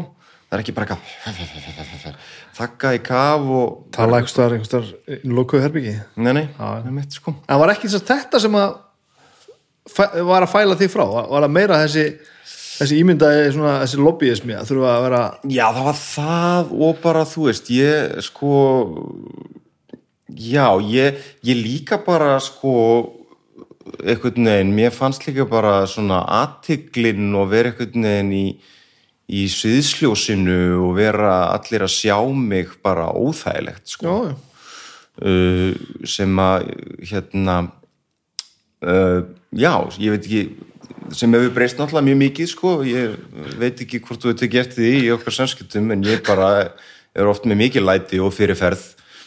En uh, þetta er eitthvað svona þetta var svona eitthvað ferðalag fyrir mig að, koma stað sko. Mm, ég var sko þegar ég sko ég, ég fer náttúrulega alveg í sko ég byrjaði að leika fyrst í rauninni bara í sko hagaskóla. Já, þá hérna uh, fór ég sko svona að ég fór ég, það var leikfélag bara stopnað uh, í hagaskóla og ég fór að leika þar en fyrir það var ég bara rosa mikill introvert. Og fannst einhvern veginn það að vera bara að hafa mig frammi, fannst það bara óþægilegt. Og það er rauninni gerist þannig sko, þetta er hérna að þegar ég byrja í hagaskóla þá er ég bara hérna rosalega mikill introvert og fannst óþægilegt að vera eitthvað að tala við fólk sem ég þekkti ekki vel og eitthvað svona. Og það voru tvær stelpur sem þetta Inga og Ragga sem að sátu fyrir frama mig í skólastofunni. Og ég satt alveg aftast út í hotni og það er sátu sem fyrir fram mig og það voru alltaf að snúa sér við í sætinu eitthvað, eitthvað kjafta við mig og eitthvað svona. Og það er bara svona smám saman dróum út úr skápnum það bara pönguðust í mér og mig ekki friði voru báða svona stórar þú veist, það voru svona í handbolta eða eitthvað svona og úgeðslega skemmtilegar og alltaf eitthvað að fýblast í mér að tala þeim og ég svona smám saman svona já, já, já og svo, eða þú veist, það er svona dróðum út í skapnum og, og hérna og svo bara einhvern veginn byrja ég að, svona að, tjá mig meira og tala á bla bla bla endi þessu leikfélagi og og það verður síðan eitthvað svona sumarleikfélag út af því sem auðvitað svona leikhópur sem heit ofleikur sem var ógeðslega gaman. Og þú veist bara krakkar að fýblast og við gerðum eitthvað alveg brjálaðar sýningar sko. Gerum eina sýningu sem hétt E og varum að dópa á eitthvað svona rugg sko. Og uh, eitthvað. Uh, svo fór ég MH og fór náttúrulega í leikfélagi þar Já. og var að leika alveg á miljón sko en svo kom bara eitthvað tímpúntur sko þegar maður var að útskjáðast úr MH og ég var alveg í stjórn leikfélagsins og var mikið eitthvað svona sprauta en það var allt saman svona bara bara eitthvað svona gaman, eitthvað fýblast og eitthvað. Skilur, ég, var, ég tók aldrei neitt sérstaklega alvarlega, þetta er bara skemmtilegt. Uh, og svo kom þessi tímpútur þú veist, þú ert útskjáðast mentaskóla og öll kreðsan er að fara einhvern veginn í leikskólan uh, allt fólki sem í kringu veist bara allir í leikfélaginu skilur allir einhvern veginn, allir vinahópurinn það er allir að fara að sækja mig í leikskólan eitthvað svona. Og þá var ég bara komin á það að það væri bara ekki fucking séns að ég ætlaði í þetta. Uh, og það var eitthvað svona bara þú veist, það var eitthvað svona þú veist, mér fannst bara þetta of mikið eitthvað svona, of mikið fýblagangur of mikið síndarmennska og, og, og þú veist, ekki það að ég liti á fólki í kringum mig sem þannig heldur var afstæðið mín gagvart leiklist bara þannig.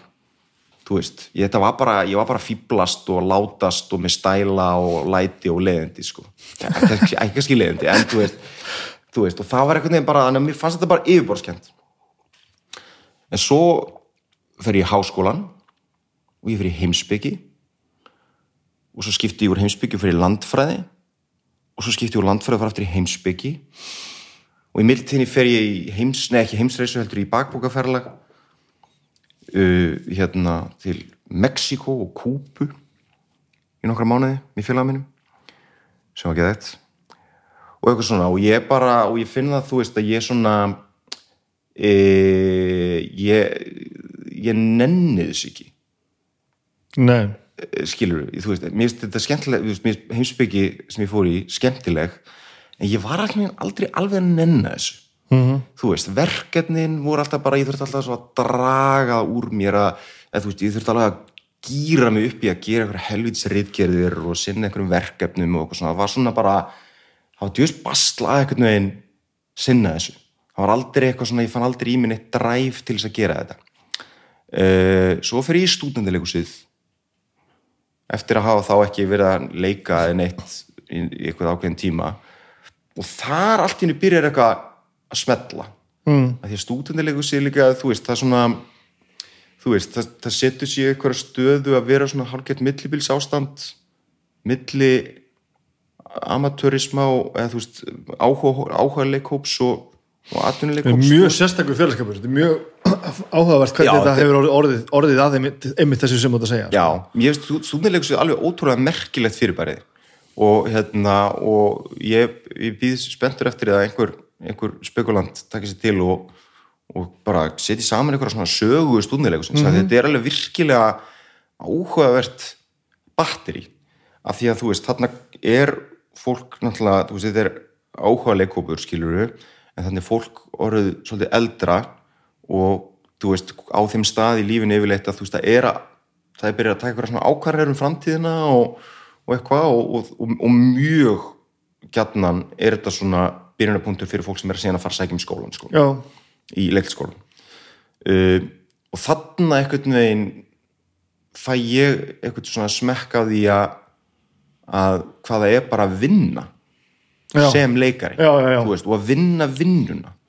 Uh, ekki bara einhvern veginn að mæta og er eitthvað blú, blú, blú, og fýblast skilja þetta bara svona að pæli hlutunum og stútar þá og, og hérna og þá í kjölfarið tek ég svona ákvörðun um að sækjum og og það var óslega mikil breyting fyrir mig að því að þú veist ég svona ég fann það allt í einu að svona í fyrsta skipti á ævinni þá tók ég ákvörðun með þetta ætla ég að gera og ég ætla að leggja mig allan fram mm.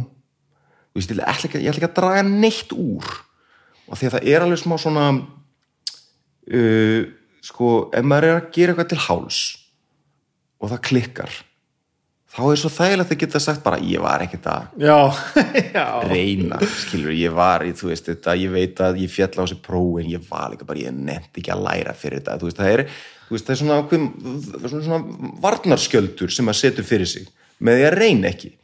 En ef þú reynir eins mikið og getur þá ert svolítið varnarlaus. Af því ef það misefnast þá bara, þá bara það varst ekki nógu góður. Þá bara gekk þetta ekki upp minn, sko. og þú veist og hérna þannig að ég svona þá þurfti svolítið hugur ekki fyrir mig að fara þessa leiðina sko. En það sem ert að tala um uh, þetta gerir maður heldur ekki nema að, þú tala um þetta með námið sko, það er erfitt að fara í verkefni og svona. Já, já, þetta er, þessa hluti gerir maður ekki nema sko að sé þessi old school hvað maður að kalla það, bara, úst, þetta er bara ástríða sko, að bara Absolutt. ástríðan knýi, það er langi bara veist, og þegar maður finnur bara að þú tekur upp rámaskýtran og semur eitt lagi viðbútt það bara, þú veist, ég þurfti ekkert að gera það sko, þetta, er bara, þetta er eitthvað sem að veist, dræfið, dræfið kemur frá öðrum stað sko. Já, bara algjörlega. Og ég held að það sé líka hérna uh, sko að ef maður ætlar að gera eitthvað og ætlar að gera það allir leið það er engin leið að gera það á þess að hafa ástrið nei, nei, nei, þú veist, það verður að vera bara hjarta og sál Mhm. í því sko.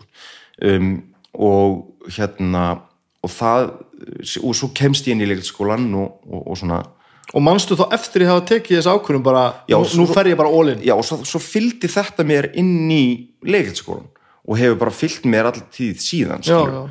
þú veist, þetta hefur bara verið svona mín svona hérna mantra gagvart leiklistinni allar götur síðan. Uh, og ég er ós að þakkláttur fyrir sko að að hafa ekki sótt um á sín tíma og hafa ekki farið í þetta fyrir en ég gerði það af því að þá var ég búin að ákveða já, já, já. veistu hvað ég meina? Ég fór ekki í einhverjum hálkæringi þú veist, þetta var ekki eitthvað svona hliðarspor þetta var bara rosalega meðvituð ákvörun eftir bara svolítið yfirlegu og Já, leit, já, skilur ok. Um, og ég svona ég held að ég hafi bara haft rosa gott af því sko. að því að svo er það líka þannig að þú veist, svo fer maður í eitthvað nám um, og þú færð aldrei út úr því nema það sem þú leggur inn mm -hmm. skilur uh, og f- fyrir vikið þá fer ég inn í skólan með þetta hugafara bara ég ætla bara að gera bara allt sem ég get ég ætla bara að leggja mig 100% fram uh, og fyrir vikið bara fannst mér ég alltaf bara að fá svo mikið út úr hlutunum skilur já, þú veist, maður í eitthvað tíma og þú veist, og það er bara misjæmt eins og öllu námi skilur þú veist, það getur verið eitthvað kennari sem þú tengir ekki við eða eitthvað námskeið sem passar ekki fyrir þig eða bla bla bla bla bla. Mhm. en ef maður hugsa bara ég er bara komin eitthvað til að læra og rannsaka og bara bæta mig þú veist, og, ger- ég ætla bara að gera það. Já, já. ég ætla ekki að býða eftir því að einhver rétti mér eitthvað skilur þá, þá, þá kemur það, skilur, þá ferðu það. Já. Þú veist, af því að þú ert að reyna að læra þú ert ekki bara að býða eftir einhver kennið þér eitthvað. Nei, skilur hvað ég meina? Já, algjörlega. Í, í gegnum þennan tíma sem ég hef verið að berjast við þetta að hérna, reyna kannski mögulega að skara fram úr á einhverjum, einhverjum sviðum þá er alltaf þessi balans sko, að gera þetta á sínum fórsendum sko, þú, sem þú ert að segja þú veist, þú að gera þetta fyrir þig og þú ætlar að læra sko, er það, Já, já. en að muna að maður þarf að hlusta á það sem vita hlutina sko. að ég var í lendið að göslast bara áfram og bara, já ég ætla bara að gera þetta eins og ég ætla að gera þetta, að því ég er svo frábær sko, og svo ætla ég að skara fram úr Já, ég meina, a- absolutt En svo þegar einhver er að reyna að kenna þér eitthvað sem veit meira en þú, þá verður maður bara að þegja og hlusta sko. Já, bara absolutt sko. og ég gleymi því mjög og þú veist, og það er líka bara hérna þú veist, það, eh, þetta er bara svona byrjinapunktur finnst mér, skilur að þú veist, að fara inn í hlutina á, á, á þennan hátt, eða fyrir mig er þetta byrjinapunktur sko, svo bara læri maður þetta, skilur hvenar, hvenar átt að keira og áfram og hvenar átt að setja kjör og hlusta og, og hérna, hvenar áttu að bara viðurkenna að þú veist ekkert hvað ert að gera sko. að því að þú veist, þetta síðan verður þú veist, þetta verður svona hérna, þetta verður svona hækja hjá mér á tím, einhverjum tímpunkti og held ég bara, þetta þessi algeng hækja sem er svona dugnaðar hækja? Já. Þú veist, þetta er bara ef ég djöflast nógu mikið Já, já, já. ef ég er bara hérna vakandi- leggja þig allan fram ef ég er bara að leggja mig allan fram og ég er bara vakandi fram á rauðanót að gera einhvern anskotan þá er ég að vera góður í því sem ég er að gera veistu hvað ég meina? Veist, ef ég er bara, ef ég móka hann skurð bara niður í klöpp þá er ég búin að vera duglegur. Eða þú veist, þetta er þetta og þetta þú veist er gott upp á vissu marki skiluru en á einhverjum tímpúnt ertu bara eitthvað eitthvað stór út í mó að móka skurð og Já, þú veist, það hefur ekkert meina að gera. Þetta er allavega ekki nóg. Þetta er ekki nóg. En ég meina það, þú veist, það er nú samt sögundar eru alltaf sagðar af þú veist Michael Jordan sem fór alltaf síðastur á væfingu sko. hann lokaði alltaf mest sko. Hann, já, já, já, já, já, já. En það er bara ekki nóg að gera það bara sko. Nei, ég meina og skiluru, þú veist, ég er ekkert vissum að, eða þú veist, ég, það, þeir hljóta hafa verið hansi margir sem að hafa gert það sama á Michael Jordan, sko. Rétt. Hann var ekki eini gæin Nei, sem var svona, nei, nei, veist, hann var ekki bara, hann er ekki duglegasti köruboltumar í heimi, ég heldur að sé það en, já. reyndar líka, en hann er bara líka besti íþróttumar allt, allra tíma, sko. alltaf kemur allt heima saman að sjálfsögðu sko. Já, já, en, en ég, ég, ég, ég veit nákvæmlega hvað þú ert að fara sko. og maður þekkir mjög marga sem að einhvern veginn ætla bara að leifa sér að þykast vera a- a- hvað það sjá hafa einhverja forgjöf að því að þú ert svo Þú veist, að þú ert bara að gera svo mikið. Hvað varst að gera samt? Já, bara absolutt. Hvað, hvað, hvað ertu búin að vera að tjópa? Ég er búin að gera þetta og þetta, já, en, en verkefnið er, er þetta. Já, já. Og þó að þú hafi gert þetta, það bara skiptir einhver máli. og nú er ég ekki að slá á það að vera duglegur af því að það er, það Nei, er meni, ég ber gríðarlega virðingu fyrir því sko. Og bara svona elju og dugnaði og, og vinnusemi sko. Og mér finnst að vera, það verður að vera. -hmm. en svo líka bara lærir maður það með tímanum að þú veist uh, þú þú lærir að vera ekonomiskari basically. Þú veist hvenar það að djöflast og hvenar já, já, þú veist, er þetta nóg sko. ég lærið þessa leksju mjög skýrt þegar ég var byrjað að vinna upp í borgarleikusi og ég var búin að vera að djöflast í nokkur ár og svo bara kemur svona tímpunktur þar sem ég finn allt í henni bara í fyrsta skipti að ég er bara búinn mm. ég var bara, við vorum nýbúin að gera njálu og og ég var, þú veist, með lítið badn og við vorum búin að vera einhvern veginn, þú veist, það urðu rakaskemmtir heima hjá okkur og það var allt í ruggli og bara þannig að það var einhvern veginn bara álag og öllu vikstöðum og svo bara er, þú veist uh, helmingurinn að leika hún eftir. Og ég er á leiðinni inn í hérna, bláan hnöttin með honum Bissa, inn okkar. -hmm. uh, og og ég finn það bara ég er bara tankurinn er tómur. Ég er bara búinn á því. Og það var rosa erfitt fyrir mig að viðkenna það sko. Já. mér finnst það mjög erfitt að viðkenna það fyrir sjálfa mig. Og svo þarf bara þurfti ég bara að manna mig upp í það. Að bara fara og tala við leikstjóran sem er notabene Bergur Þór Ingolson sem er eitt sko indalisti maður allra tíma og er pínu hlægilegt að vera stressaður að fara að tala við hann af því hann er svo indislegur en ég bara var það að því mér fannst þetta óbærilega óþægilegt Það hefur nú kannski ekki bara með það að gera við hvernig þú ert að fara að tala. Það er alveg skelfilegt að fara að játa að það sé ekki allir lægi hjá manni. Já, Það, það skref er alveg hræðilegt. það er geðveikt erfitt og ég var bara veginn með tárin í augunum að bara eitthvað rétt upp hönd og segja bara eitthvað hei, ég er þreytt Já, mér fannst það geðveikt erfitt og er Og enn þessu. erfiðara að þau þú veist. ég segi það Það verður alltaf- og þú veist, en ég bara gerði það og þú veist, og ég hérna, þú veist, baðum að vera að losa þær úr þessu og það, það var ekki hægt út af bara einhverjum skipulagsmálum og hvað svona. En uh, þú veist, ég fekk bara mik mikla tillitsemi og, og hérna, og, og það var nú hægt að haga því þannig að æfingabóðið mitt var frekar rólegt og ég var nú ekkert inn einu rísa hlutur þessu. Uh, en þá fann ég líka bara að sko ég gat bara gert svona, svo og svo mikið mm -hmm. veist, ég gat bara lagt svo og svo mikla vinnu í þetta ég gat ekki nei. Skilurðu? Já, og ég fattaði líka bara, þú veist, þá er ég líka bara búin að leika helling og, og þú veist, læra alls konar og ég fattaði bara heyrðu, þetta þetta er komið þessi sena hérna, hún er svona já. ég þarf ekki að pöngast í þessu Nei, nei, nei, nei. ég þarf ekki að djöflast í þessu ég bara, ég veit hvað ég er að gera ég kann þetta, ég þarf ekki að gera meira, þetta er komið I, I got it.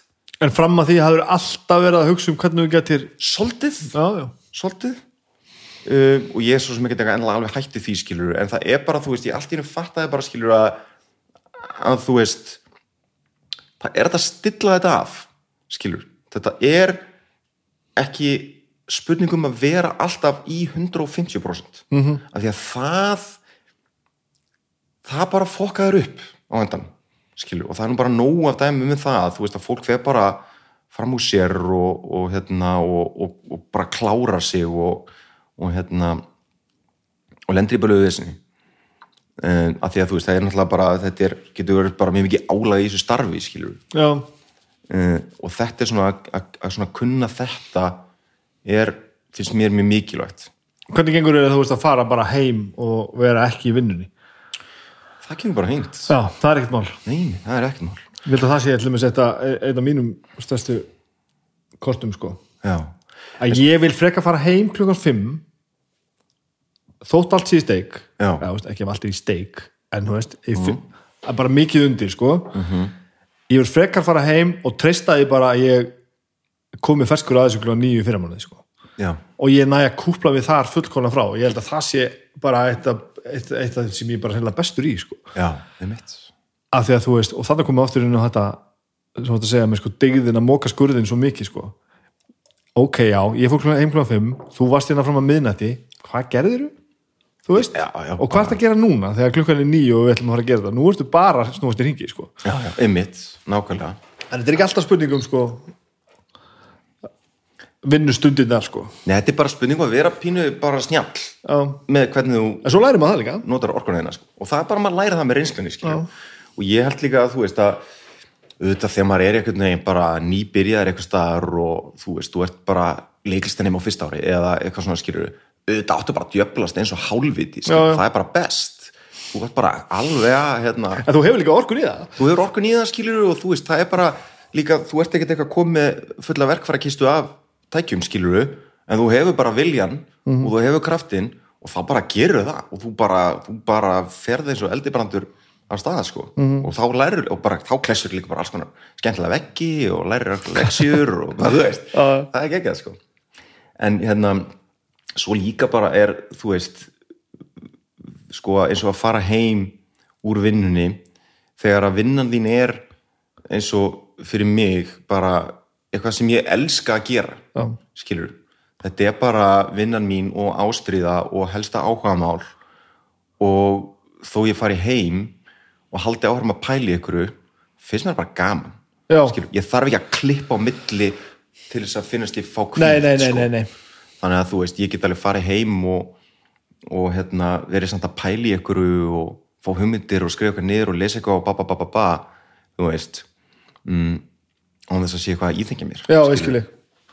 En uh, já, ég átt kannski meira við að þegar þú ert þreyttur sko. þú nærða að kvíla þegar þú ert þreyttur þá. já, já, já, já, börnum minn tröflum ekki. Þetta var nefnilega allt svo miklu öðuldra þegar maður átt ekki börn mannstu eftir, ég manna það ekki. Ég er þetta manna ekki heldur sko. nei, nei, nei, ég man bara að það var öðuldra já, ég reyndar varð sko miklu betri tímastjóðun eftir eignan eða sko. það bara gerist automatist, sko. maður þarf bara að skipulega tíma sinna því að tíminn er ekki lengur bara eitthvað ótæmandi sko. Já já, ég, ég var það sennilega líka sko. en, en ég ég er alltaf að reyna að kristja aðeins svo marga klukktíma út í sólurringum Ég líka Þetta er mín, er mín akkilesar hæll sko.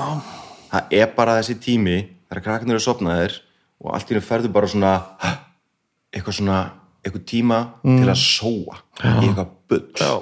og þetta finnst mér, þetta er uppáhaldstími minn sko. að vera bara að gera eitthvað heimskulegt Já.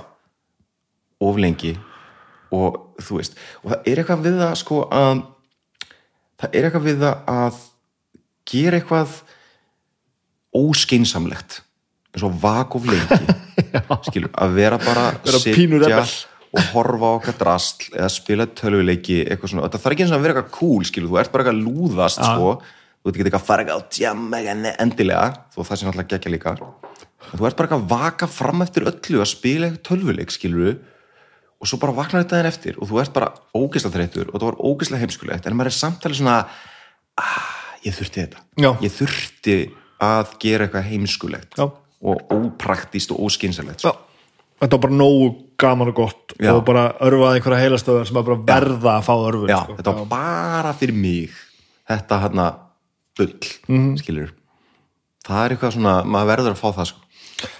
þú ert komin hérna í, í sögunni þú veist, þú bara þú finnur bara að þú ætlar ekki að gera allt þetta heitt mál hana og þú verður bara ákveður að vera leikari. Já. en þetta er svo bara svona frekar smooth sailing bara? Þú fer bara í skólan og svo bara finnur það að það er bara fótballtara leikari og svo bara erstu leikari og, og, bara, og það er bara þannig. Svolítið, það virkar svolítið þannig. Svolítið það já. er mjög heillandi sko. Já, ég sko, þú veist uh, ég myndi, já, ég myndi segja það. Eða þú veist, ég meina ég sko hérna, mér fannst ógeðslega gaman leikskólanum uh, og hérna uh, svo útskrifast ég og ég fæ ekkert að gera. En það böggaði mig ekki neitt. Nei. uh, þú veist, ekki þannig lagað. Af því að ég líka bara einhvern veginn ég var ekki ég var bara eiginlega ekki búin að gera ráð fyrir því sko. Að að fá hvað að gera. Að, að, veist, ég var ekki búin að gera ráð fyrir því að þú veist, einhvern myndi bara rétta mér Nei, nei, nei, nei. skilur ég var ekki búin að hérna að sjá það fyrir mér. Uh, og þannig að þegar að ég, að þú veist, auðvitað síðan skilur fór maður á fund og talaði við eitthvað virkar þetta þannig? fer maður bara eitthvað á blessaður? Ma- já, já, basically sko. Þú bara ferðu fund og segir bara blessaður, ég, hörtur ég, ég leikar að ég er útskast að leikskólum. Og, ég er bara rosa góður sko ég, þannig að það væri flott á eða þú veist, í rauninni. Ok, um, hversu mikið kemur út úr þessu ég veit það ekki uh, af því að þú veist, ég held að að uh, þú veist, fólk síðan sér þig leika einhvers staðar og það ræði þig út, af, út frá því frekar því að hafið sagt eitthvað sniðut á okkur fundi. Að kannski gott bæðið samt sko. Já, já, veist, það er- þarf alveg þetta að er- sína á sér smettið og minna á sig og svo sér einhverju aftur og allt þetta. Já, og ég, að, ég, veist, ég veit það ekki. Ég veit ekkert hvernig þetta virkar sko. Ég bara, ég veit það ekki en ég, þú veist, fyrir mig var þetta þannig að sko, ég fó bara að hérna, ég fó bara í, í harkið sko, en ég fó bara þú veist, ég var bara að leika þú veist, ég fór hérna bara við stopnum leikfélagi og viknira, óskapin ógæfinar mm -hmm. settum sýningar og hérna uh, og ég, ég fekk gig í hafnafærileikusinu og eitthvað svona dabudabab mm -hmm. Og uh, svo í rauninni fer ég inn í borgarleikusið þú veist, það gerist örgulega bara þegar ég gerum bláskjá. Sástu þá sýningu? Nei, það er verk, þetta er svona svona þetta fyrstu verkunum að Tyrfings Tyrfingsson já ég veit alveg hvað þetta er. Mér langar til að segja eins og ég, hef- að ég hafi séð það. Ég held ekki samt.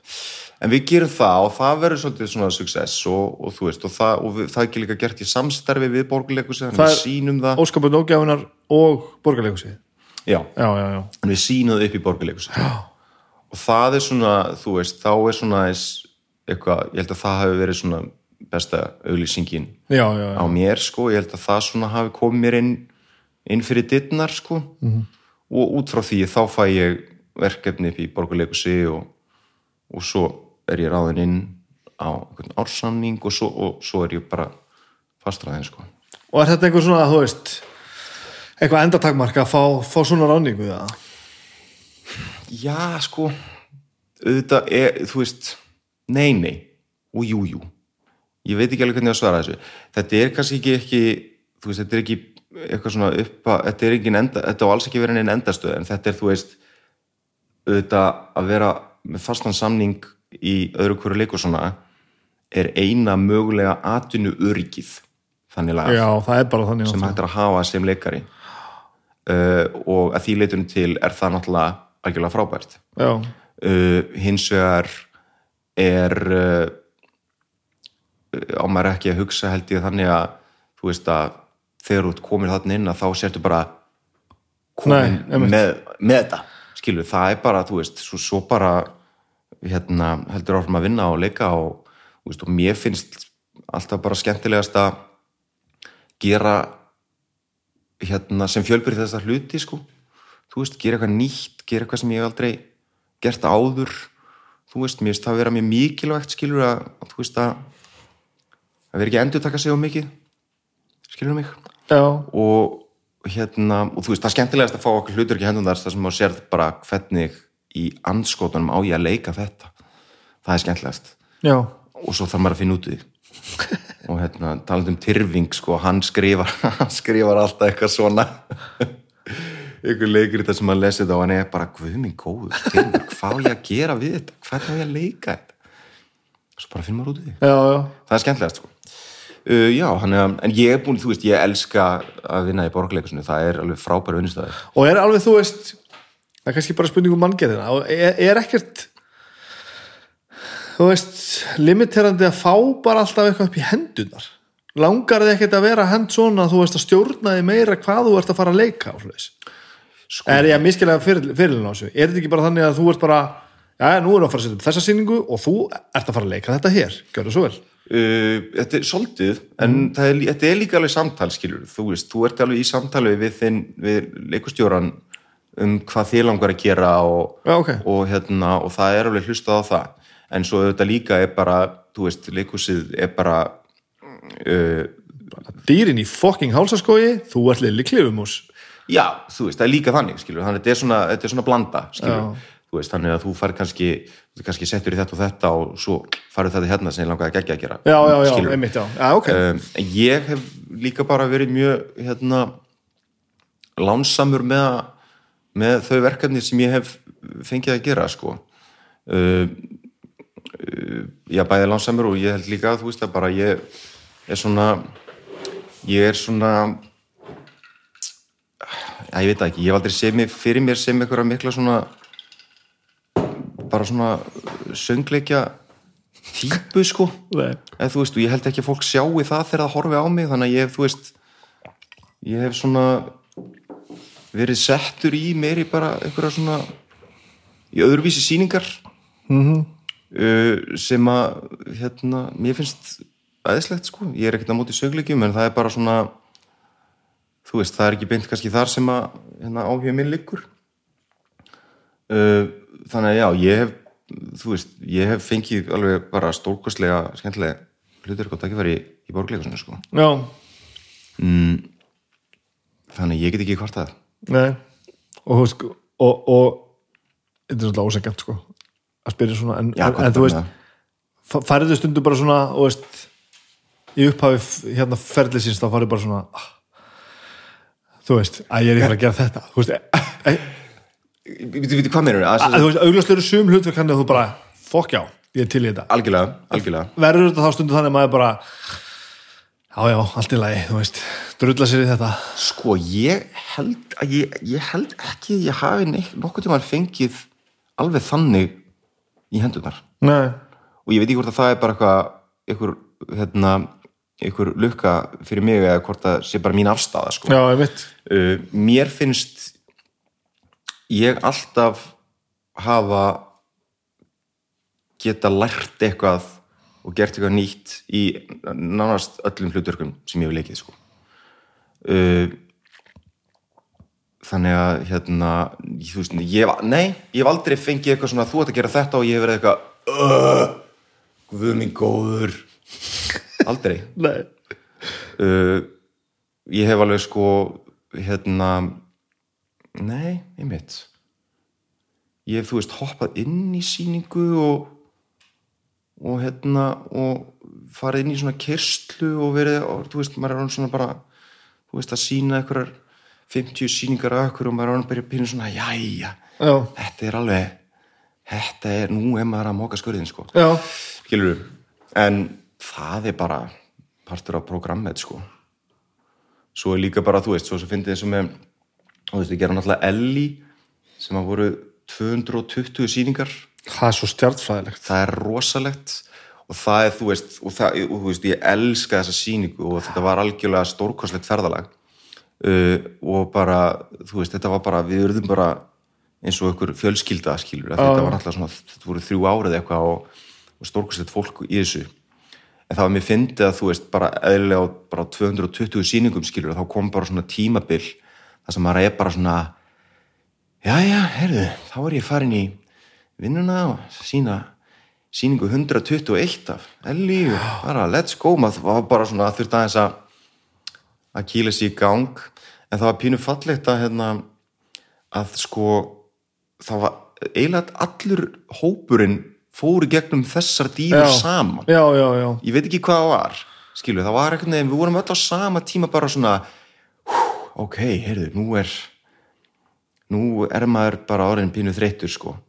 Og það líka gerða verkum skilur að, að hérna að við, við áttum okkur alveg á því skilur Já. þú veist, við erum búin að sína þetta ógislega oft og við erum bara þreytt. Það er bara þú veist, við erum bara búin að þú veist, við erum bara svona þreytt á endurtekningunni og okkur svona en við ætlum samt að gera þetta, -hmm. skilur og við bara, þú veist, við vitum að ég sé þig að þú ert þreyttur og þú sér ég er þreyttur á þessu og okkur svona en við ætlum samt að gera þetta, því að okkur þykir vænt um þessa sýningu, og þið frábæð sýning okkur þykir vænt um eitthvað annað og þá einhvern veginn uh, var það ekkert mál, veistu hvað ég meina?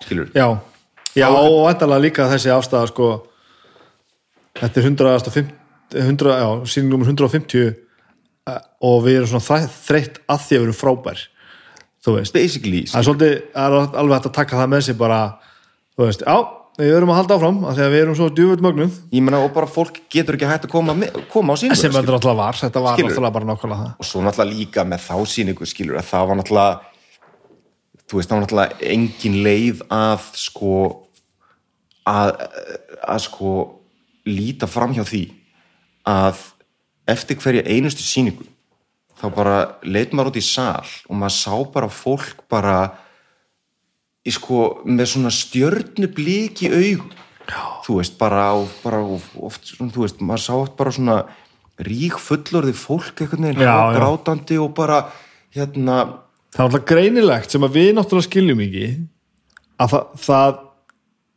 að, að þetta snerti eitthvað já, sem var greinilega svo nálagt sannleikanum sko. að því Já. að fólk sem er eldri en við það upplifði bara eins og var verið að sko bara endur heimsækja það sem þau upplifði í alvörunni sko.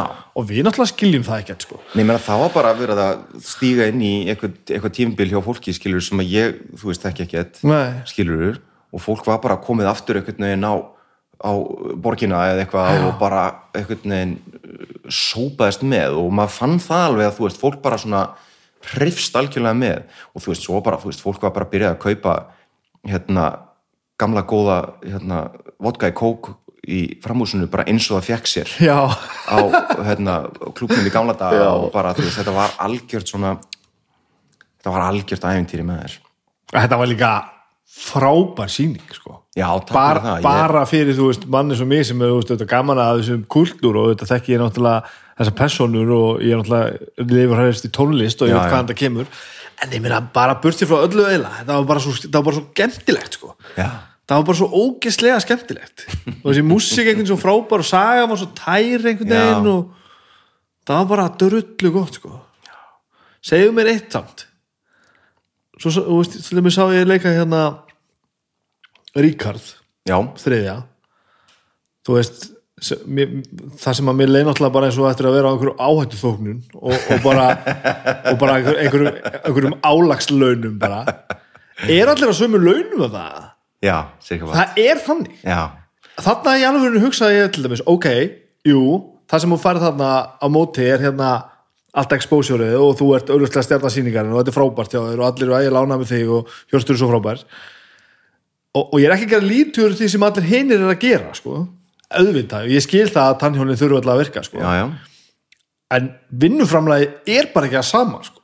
nei, það er sko, það eru uh, auk, þú veist, það eru aðeins herri laun fyrir aðal hlutverk í stórum sýningum. Já, já, en þau eru ekkert eitthvað mikið herri veist, það er bara, en það er samt einhver svona pínu umbun er pínu, að já. þú ert að bera eitthvað uppi. Það er pínu, ok, já. Ok, ok þú veist, það er eitthvað svona, eitthvað, eitthvað þú skallar á svona. ok, það meikar samt alveg sens, bara eiginlega svolítið gott að heyra það sko. Af því Er það, ég er bara glaður?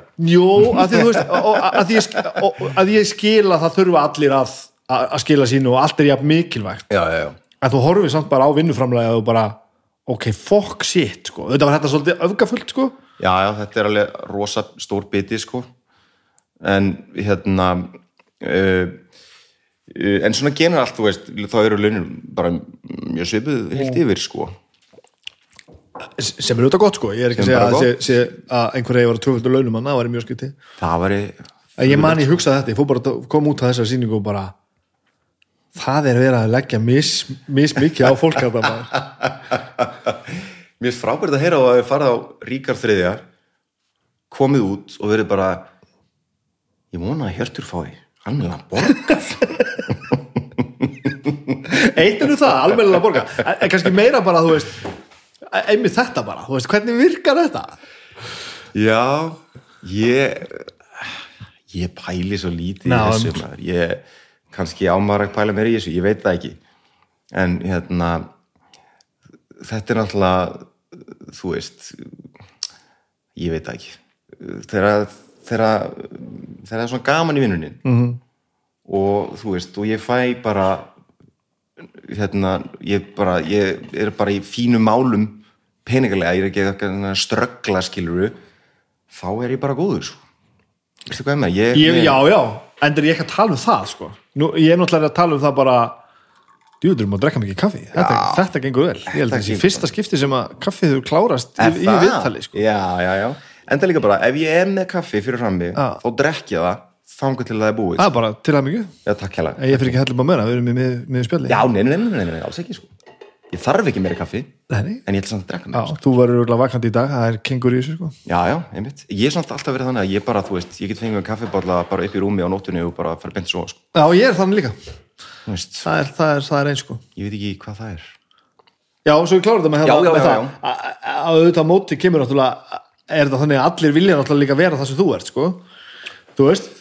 Já, já, það, fólk, fólk vill fá aðalhutrykki sko.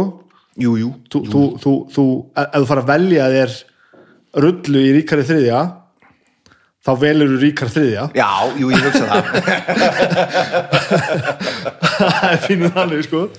já, já ég held að sko að, hérna, að það sé sko íslenska bransanum mjög til góðs að þú veist stjættaskiptingin innan geirans er ekki meiri en hún er Já. skilur við um, ef þetta væri einhvern veginn þú veist, illeikari er á okkur um stjörnur og svo, ég veit það ekki, kannski er okkur baktjálta samningar þarna sem ég veit ekkert um sko.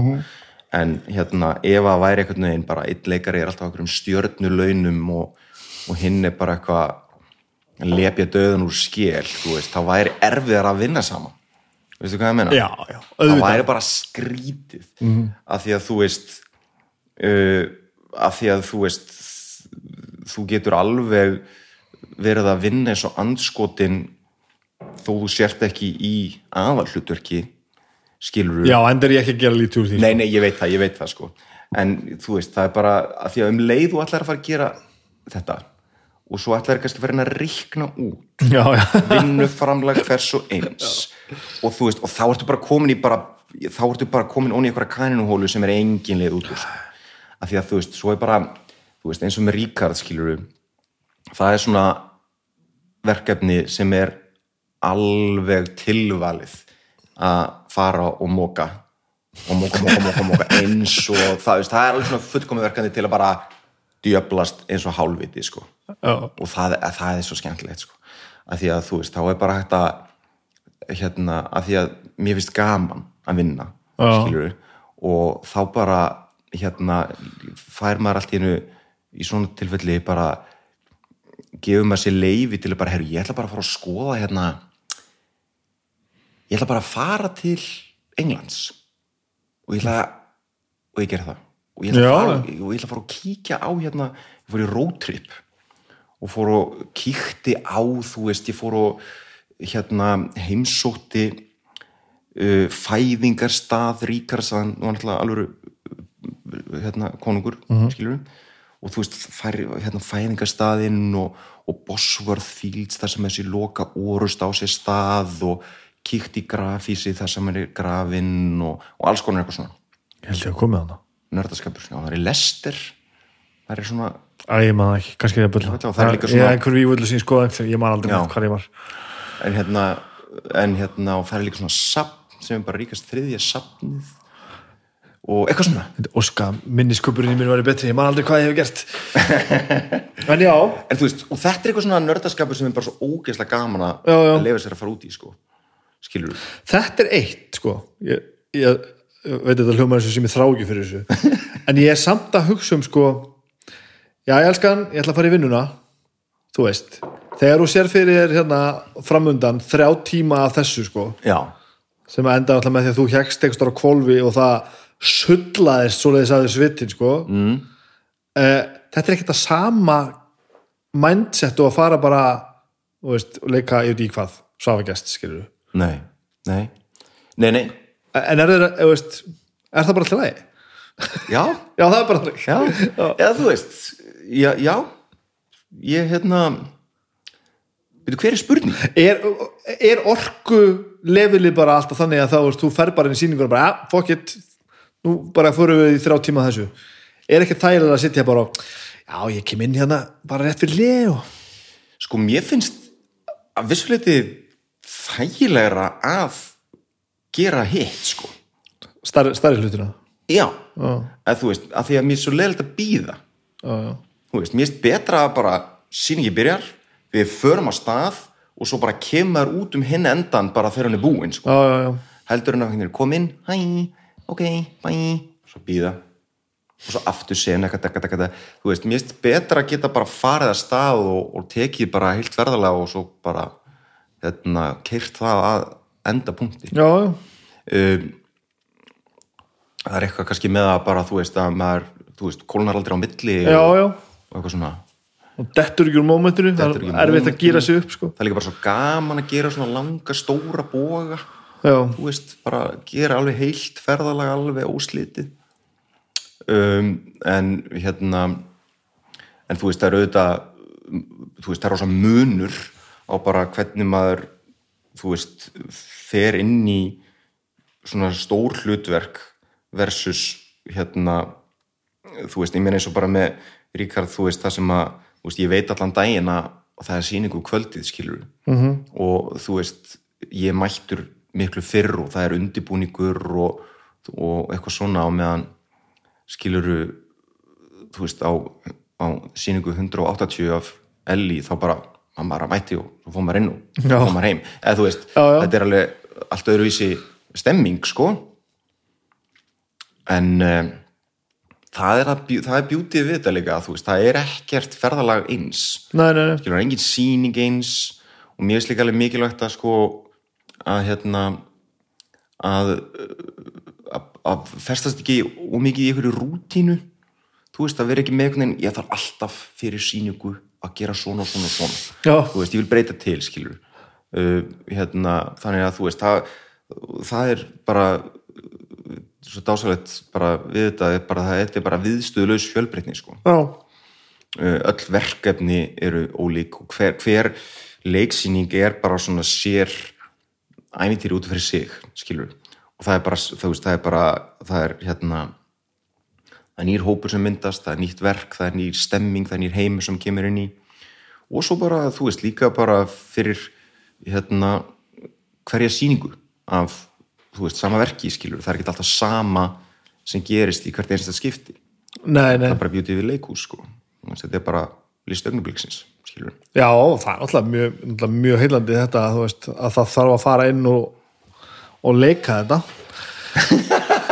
Nei, menn, það er náttúrulega það sem þetta er ég meina, annars værum við bara alltaf að fara í bíó sko. já, já, veist, það er stór munur á því Já, að að já, sjá já. þetta gert Já, í, í alvörunni heldur en að sjá þetta gert og svo horfður bara á aftur það sama að var gert einhvern tímann sko. já, já, já, ég menn það er, það er galdurinn og ég veit þetta hljóma mjög primitíft en þetta er enga síður þetta þú ert alltaf að býða eftir einhverjum einhverjum núinsum og einhverjum mistökum eða Já, þú veist, einhverju og það, það er þar sem spennan liggur sko. það er bara, þú veist, þetta er bara þú veist, hérna þessi gamla klísja skilur, það getur bara hvað sem er gerst. Og maður sína sölum að þetta er um daginn og þú veist, og bara sýningi byrjar og, og það kemur bara rosalegur jarðskjált já, skilur, og við bara svona stöndum á söðinu bara í augnu blik bara og er, er allir að fara út?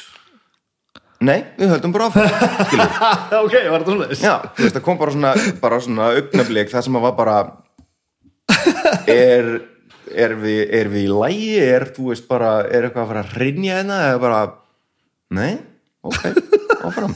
Og maður heyrði bara í áhrandu, það kom bara svona hú, þú veist, bara því að það var bara það nötar allt húsið, skilur það var bara já, það er, moment, það, er, það er allt þetta sko. það, það var beautiful. Já, og ég man líka, þú veist, það er alls konar þú veist, einhvern tíma vorum við að gera hérna hérna ah, býtum við, hvað var það? Það var voru að sína held ég njálu eða eitthvað. Nei. Æjá, góð saga. Hérna, ég man allan að við vorum að sína síningu uh, akkurat þegar var nýkomið út þarna, hvað var vindrismálið eða eitthvað svona. -hmm. það var eitthvað svona, ég held að það hafi verið það. Var svona rosa svona moment einhvern veginn sem að greip þjóðina og það var eitthvað bara svona stemming í salnum. Já, já, í áhörndasalum og maður bara fann það.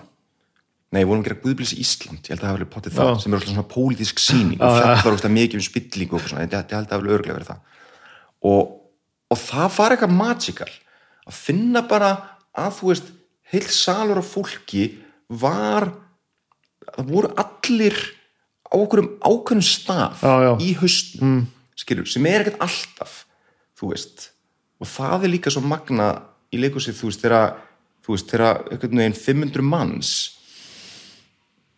byrja að mynda eitthvað svona sameinlega lífveru einhvern veginn, já, það er merkileg upplifun. Já. Það er magnað sko.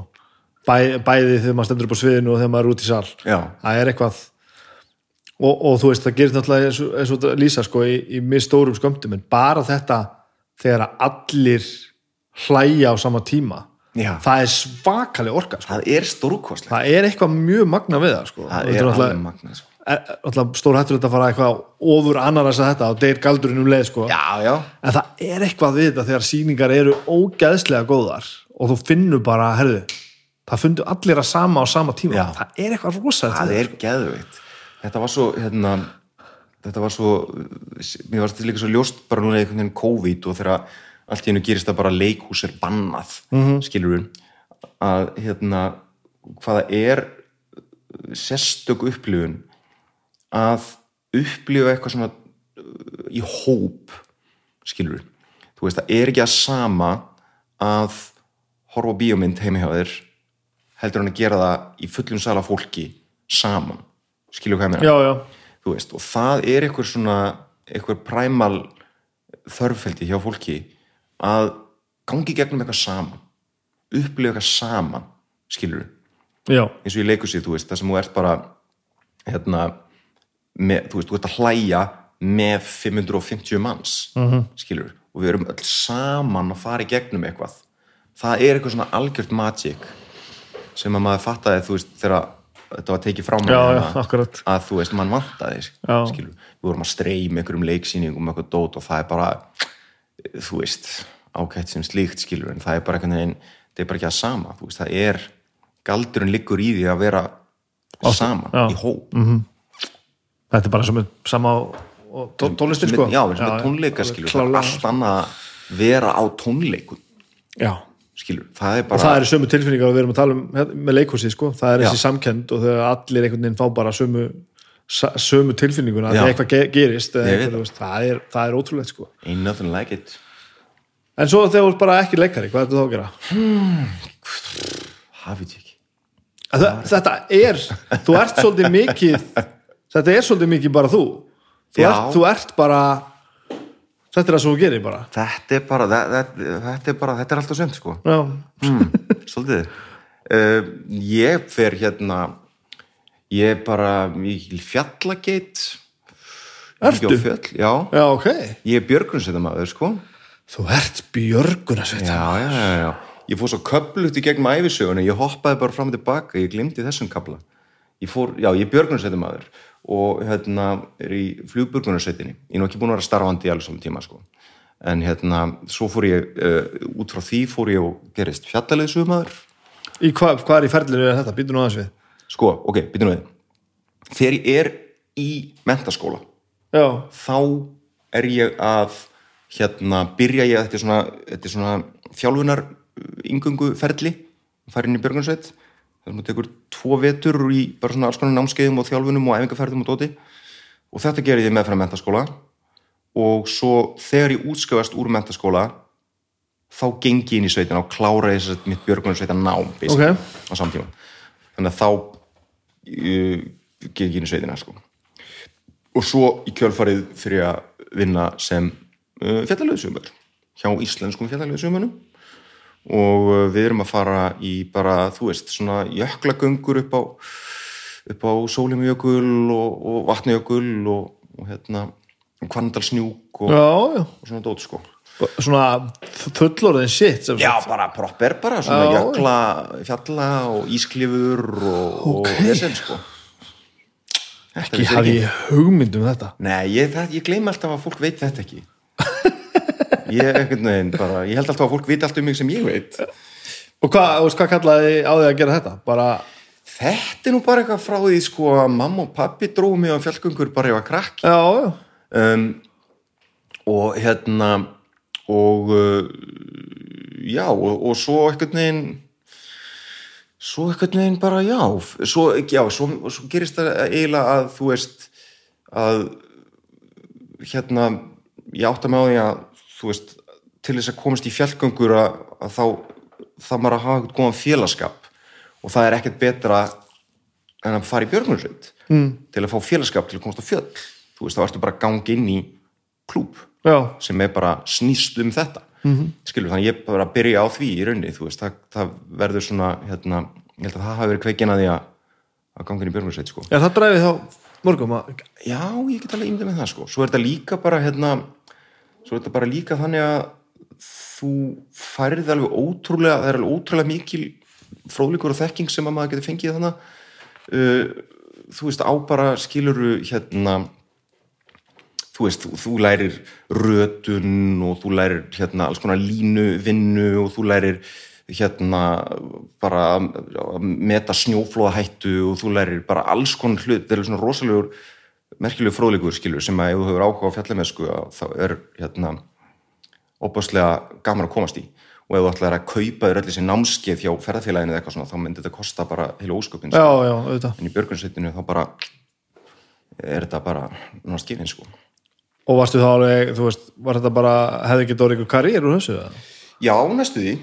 Þetta var alveg svona, hérna, eh, þetta hefði kannski verið hitt, sko, ef ég hefði farið út í þetta. En uh, ég var svona, ég, já, ég veit sem ekki, sko, því að uh, ég var allan, ég hefði þurft að tvista eitthvað þessu upp á það, því að, þú veist, á einhverjum tímpunkti var maður orðin pínu svona farin upp á kvannatarsnjúki einhvern veginn 50. skipti og þetta er orðið pínu svona bara sama dæmið, bara skref fyrir skref 15 klukkutíma ganga bara enn eina ferðina og maður bara uh, árin svolítið þreytur á því sko. En þú veist uh, hvað var þessi dróði, dróði þá þú veist hvernig var þetta? Hefur þú getað unnið þá við það að vera bara svona eitthvað svona útirvista frík bara? Kannski já. Og, og var þetta því að er svona ákveðin típa sko sem er alltaf, svona, í, alltaf með svona fullt að græjum og í, með einhverja legglífar og vera hérna já, bara ekki spurning sko Já. ég reynda þól ekki legglívar mér finnst það svo asnalett sko Já, það er svona nefndi það sko, að það er fyrir okkur hinn sko, þá virkar það svo aðstæðnægt. Já, það er mjög aðstæðanlegt. Ég veit ekki, sko, það er náttúrulega svo mikil tíska í þessum fjallabransa, skilur, og þú veist, og það er bara stundum á einhverjum típunti voru allir konn með legglívar því það verið tísku, einhvern tíma voru allir, voru allir konn með buff, einhvern tíma voru allir konn með, hérna, svona kamelbak, svona já. þú veist, þetta er bara svona tísku dæmi. Og, og alltaf sko, þetta er algjörlega nöðsilegt. Þú getur ekki gengið á þetta einasta fjall nema verður að vera með svona. Já, já, já, bara ekki að ræða það að koma í gönguna nema og sért búin að fá þér kamelbak, drikkjarpoka. uh, nei, en bara, hérna, mér finnst legglífar að vera mestabull af öllu. Þú þarft aldrei að nota legglífar. Þú, þú veist, í hvaða samingi þarftu það, skilur? Ég veit það ekki. Bibi, í hvaða Ég- legglífar, þú- skilur? Það er bara fárlegt, þú veist, þú ert í buksum sem eru vassvarðar, skilur þú? Ef þú ert ekki í buksum sem eru vassvarðar, þú veist, þá ertu í villum buksum, skilur þá það ekki legg... Æ, ég brjálast þegar ég tala um legglífar. sko. Nei, já, ég hefði alveg pottit getað það. Ég hefði sko, allir hefði ekki uh, geta farið uh, ég hefði þurft að fara kannski eitthvað út. Ég hefði þurft að breyta til sko. ég var svolítið búin að klára eitthvað pakka þarna, ég var að vinna svo mikið í skaftafelli sko, hjá fjallalýsumönnum sem er algjörlega indislegt og bara guðdóla fallegu staður. En þú veist, þegar ég var búin að vinna þarna í mannan eða í, þú voru svona fimm sumur eða eitthvað. Já, já, já, ok.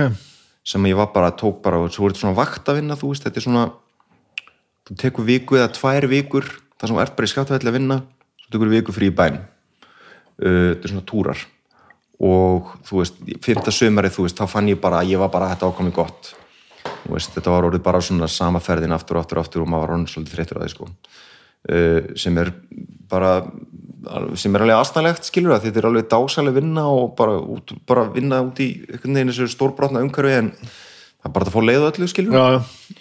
um, þannig ég hefði eitthvað þurft að breyta til en það hefði alveg geta verið sko ég veit að pappa fannst það svo flott sko að hérna að ég gæti, að ég ætlaði mögulega að verða eitthvað svona heimsbyggingur á fjöllum þú veist að ég var að byrja að læra heimsbyggi Já. og var eitthvað í þessu líka og ég held að það er þótt að helvíti kúla að vera eitthvað svona fjallalösu maður og heimsbyggingur og eitthvað svona, það hljómar eitthvað svo hljómar eitthvað svo Þú glæsilega ert rosa centered sko. Þú ert rosa rosalega með þetta bara eitthvað ah, úti á jökli og, og vitna í bara í Heidegger eða eitthvað þú veist, það er hérna verið flott.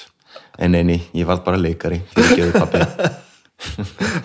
ég held samt sko, ég veit það ekki. Það er auðvelt að tala um þetta einhvern veginn hérna í baksínu speklinum en sko ég hef fengið leið á öllu sem ég geri nema að leika basically, Já, veistu hvað ég menna þú veist, uh, mér fannst dásamlegt að vinna sem leiðsögumæður en það kom bara eitthvað tímbútur sem ég bara ah, nú, nú, nú nenni ég ekki meir. Og mér finnst það ógeðslega gaman að læra heimsbyggi og, og hérna en svo einhvern veginn hætti ég nenni mm -hmm. uh, og það er ekki neinn ekki fyrir en að þú veist uh, í leiklistinni það sem ég einhvern veginn svona, finnst ég einhvern veginn finna mitt mojo í rauninni sko. En ég meina það er også auðvitað að segja það núna eftir að þetta einhvern veginn er allt búið að ganga upp skilur að vera eitthvað, ég hef aldrei gett orðið ég meina auðvitað hefði ég getað það. Og var sko, veist, gólinu var þannig líka. Og varst alveg, þú veist, skautaður bara gegnum hann og, og fannst þetta allt frábært og, já, sorry maður, ég get bara því miður ekki sagt annað en það, bara, það er bara allt frábært. Nei, nei, eða, þú veist, það Mjög heillandi samt að sett, með eitthvað svona eitt bara sem eitt, hefur bara fundið bara svona eitthvað svona þeng já, og annað bara verður þreytt. Svolítið. Um, hérna uh, ég myndi aldrei segja að hafi skautað gegnum leikskóla, það skautar enginn með það sko. en það fallega orðað. en hérna uh, ég bara naut þess mjög mikið sko. Já, um, og ég held að það hafi alveg hjálpað mér hellinga þú veist, að hafa þessa afstöðu sem ég er að tala um áðan sko, að hérna að vera bara, ég ætla þú veist, að ég ætla að læra eitthvað og ég ætla að pikka eitthvað upp skilur að því að þú veist, er alveg koma alveg kúrsar og svona sem að maður var svona ekki að, þú veist, ekki alveg að tengja við og, og kennara sem að maður varst ekki alveg með þetta og eitthvað svona. -hmm. en þá fann maður samt bara alltaf eitthvað sem að var skemmtilegt og, og pikkaði upp eitthvað sem að var áhugavert og eitthvað svona sko. Um, já nei þannig að ég, það, ég bara, er bara ég er bara eitthvað eitt. Ég er bara, ég er ekki eitthvað slass. Þú ert bara rosalega mikill leikari bara. já, það er bara þannig sko. Ég er ekkert eitthvað slass myndlistamæður eða slass tónlistamæður Nei, því miður sko, er það mjög óspennandi? Nei, að- nei, mér finnst það eiginlega bara einmitt óbúslega spennandi sko. ég, ég, ég held að þú getur til dæmis ég held að þú getur mjög góður í Japani. Það er mikil dygð í Japan að vera rosa góður í einhverju einu sko. Já, það er ekki að dreifa, dreifa aðtekla mikið sko. já, ymmit, já, ymmit ég ætti kannski að flytja þetta í Japan, já. Að leika í Japan. Já,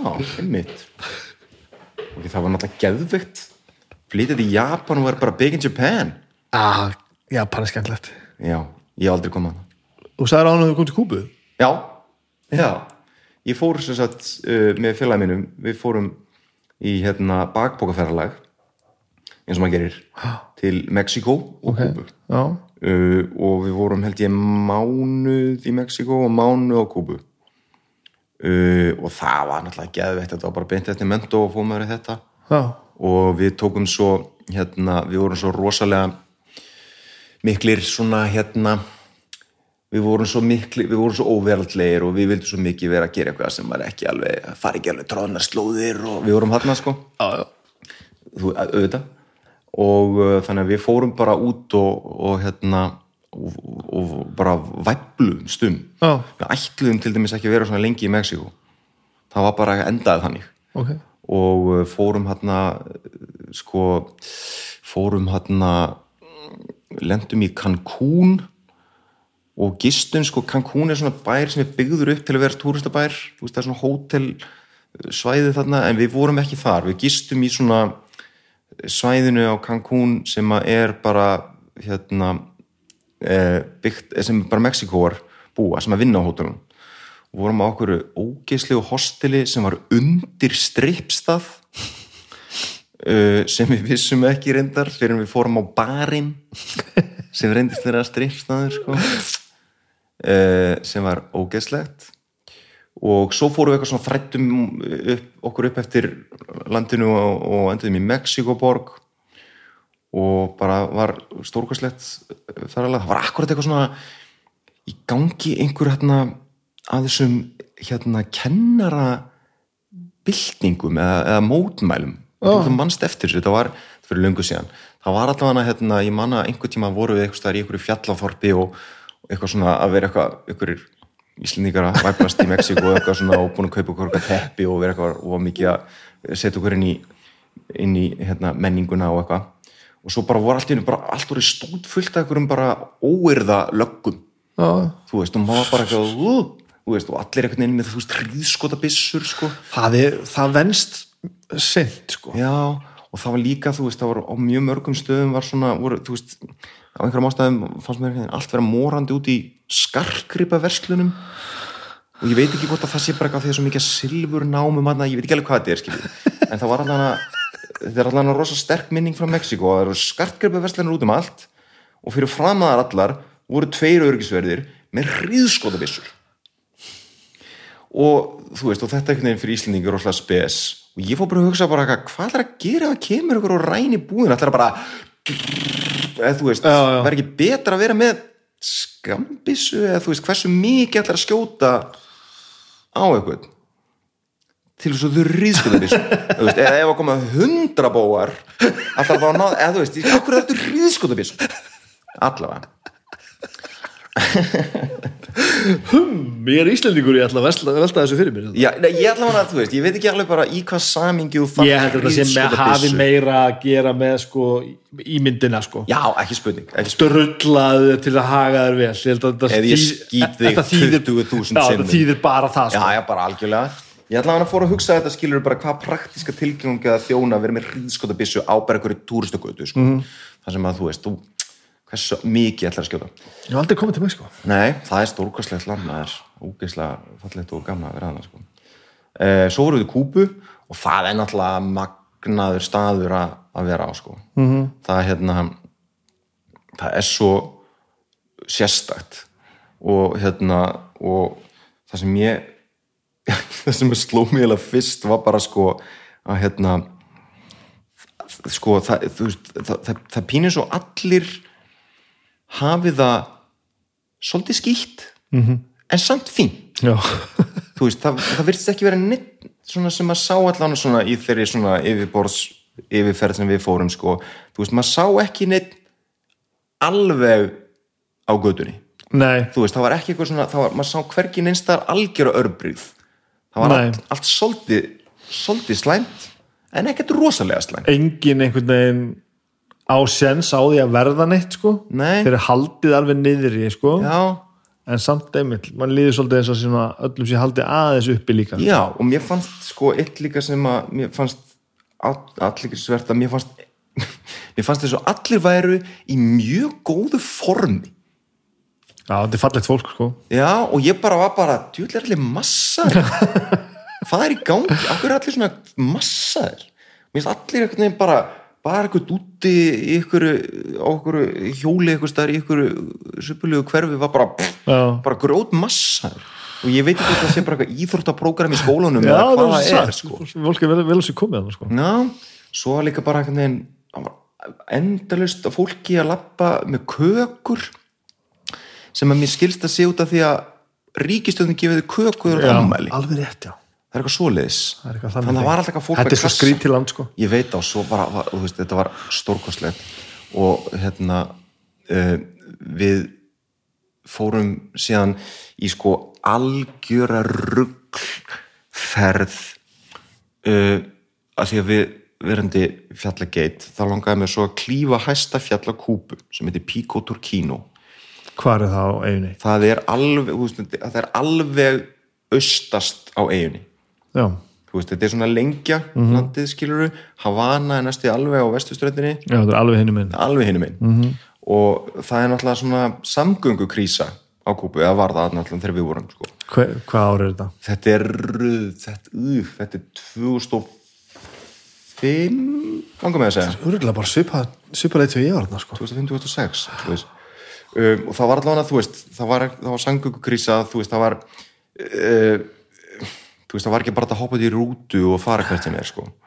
en við, þannig að við einhvern veginn fórum hann á djöflumst sko um, náðum einhverju rútu yfir í eitthvað smábæ og þaðan uh, þurftum við að sko, sko við þurftum við að gista bara eitthvað út á götu uh, af því að það var ekki neitt það var bara, þú veist, við vo- við vorum svo sent á ferðinni og það var ekkert í gangi og svo ekkert neginn var okkur sagt að við getum gripið eitthvað bara traktor eða eitthvað sem væri að fara á milli morgunin og við gistum bara eitthvað út á götu og, og ég man að við hérna við hérna við, við hérna urðum varir við, vorum að svona kom þér í eitthvað svona smábæ og vorum að labba um að leita ágætum stað til að leggast niður og svona og, sáum allt í henni hópa mönnum á eftir okkur. Og við vorum bara ok, nú kemur það. Hann er það, nú verðum við myrtir eða eitthvað sko. Að þetta var bara miðanótt og var eitthvað svona svona tíu manns eða eitthvað sem voru bara svona labba í röð á eftir okkur.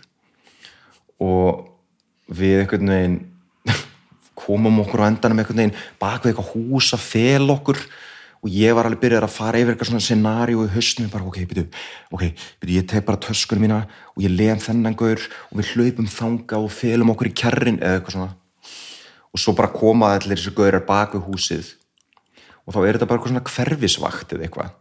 Það er bara eitthvað dútar í bænum sem að bara svona lappa hana um og, og, og, og Passa allt í lagi bara. já, eitthvað, ég veit ekki, þetta var alveg pínu skrítið þetta var bara algjör smábær sko og þeir allavega voru bara eitthvað, hvað er það að gera? Og við bara eitthvað, já, við erum bara eitthvað hrættir við ykkur. við erum bara eitthvað, og við ætlum að fara hérna að þanga það og bara, já, ok. Og, og hérna og bara, við, og, og, og leið okkur síðan að gista eitthvað staðar á okkur verund eitthvað staðarna en svo allavega eftir einhvern veginn að hafa tekið einhvern veginn traktor og húka far og fara síðan okkur um hestvagni og enduðu við á Píkorturkínu og eitthvað og við vorum komin svo seint um daginn við vorum bara kominir um hátið og maður verður að hafa gæt og þeir neituð að taka okkur af því að þú veist, það var bara komið hátið og það er ógeðslega heitt það er ekki hægt að vera að þarna. en við vorum búin að fara allar þessa leið og við mútuðu þeim til að taka okkur Einu skipti sem ég verið hitta yfir 50 gráðum var ég samt í eitthvað til Kúpa.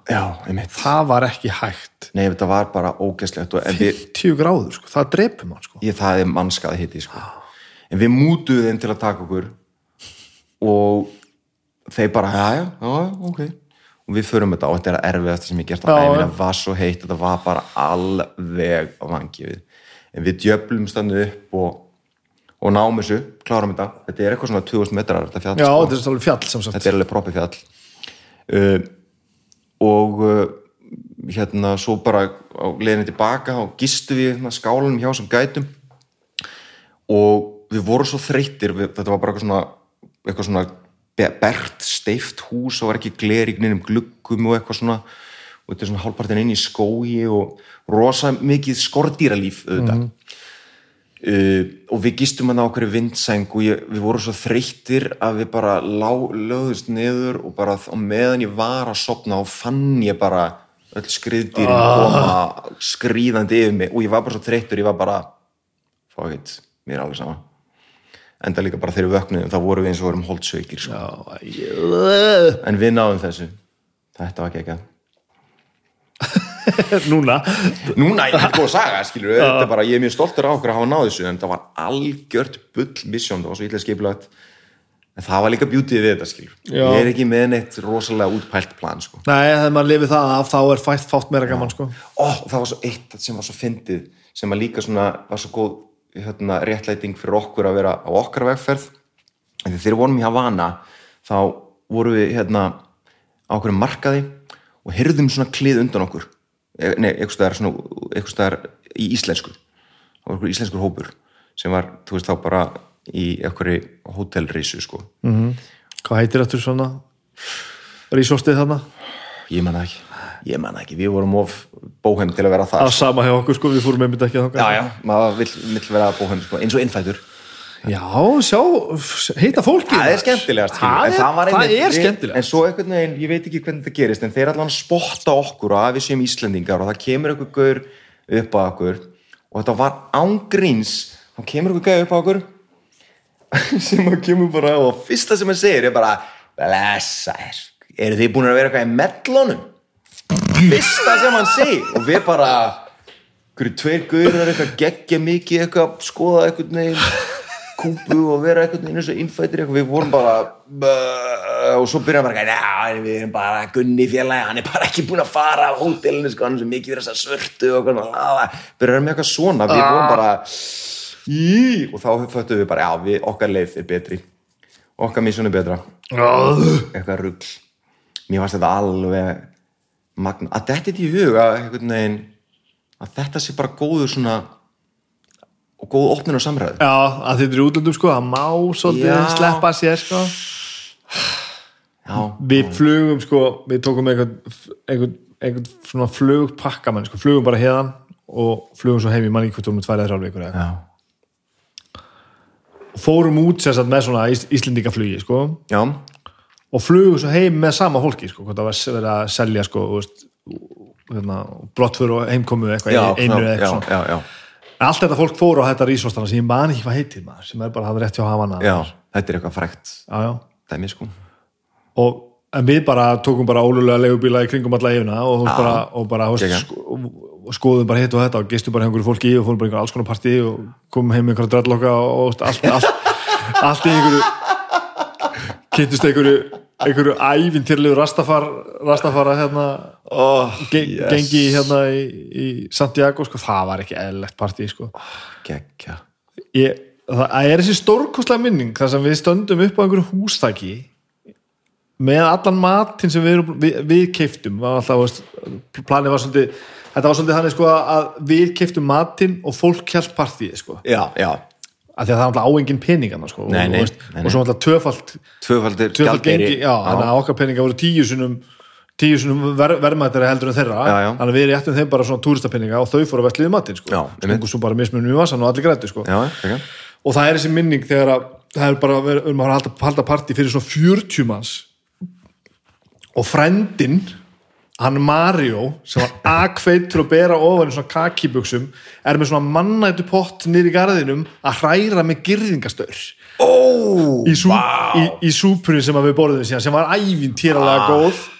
Sennilega eina máltíðin á bara ferðinni sem var ekki vond sko. Djú, Já, maturinn, rosalega slappur sko. Og við þess að tókum við hennan tíma og hittum svo bara liðið aftur á flugvellinum sem við höfum flogið út með sko. Við erum alltaf bara eitthvað í henglum hana, veist, Með allir- dreddana. að með já. Ó, Bibi, ég verð að fá að sjá mynd af það eru fallega sko. Ó, guð, svo að bróðum minn lengi með dreddlokka sko.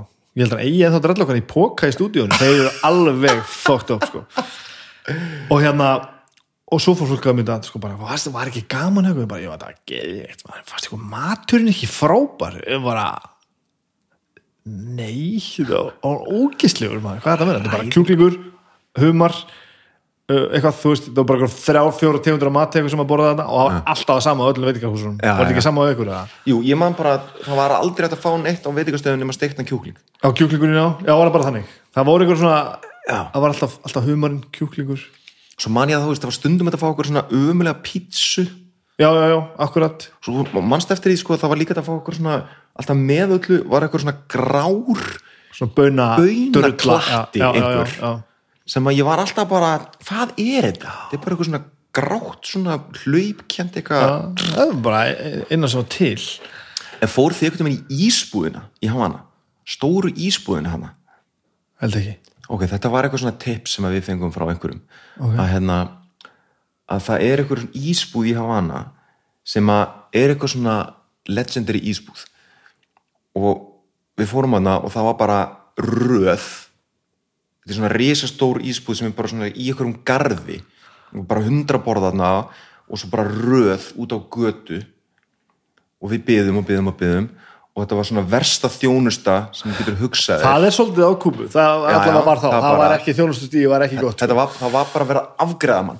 Það var bara, ok, inn, sestu hérna. Ok, hvað er marga kúlur, uh, þ- þrjár, súklaði, bara ok, hérna ok, og svo bara þú ert búinn, það bara drullaðir út. Skilur, þetta var bara svona, taktu ísinn borðan og farðu, en það var geðveitt það var svo góður ís, Ok. hann var ógeðslega góður. Og svo líka bara þinn stemmingin, þetta var eitthvað svo mikið eitthvað svona bara það var svo mikið af fólki að býða sko. Já, þetta er ótrúlega sérsta samfélag. Alveg, alveg rosalega spes.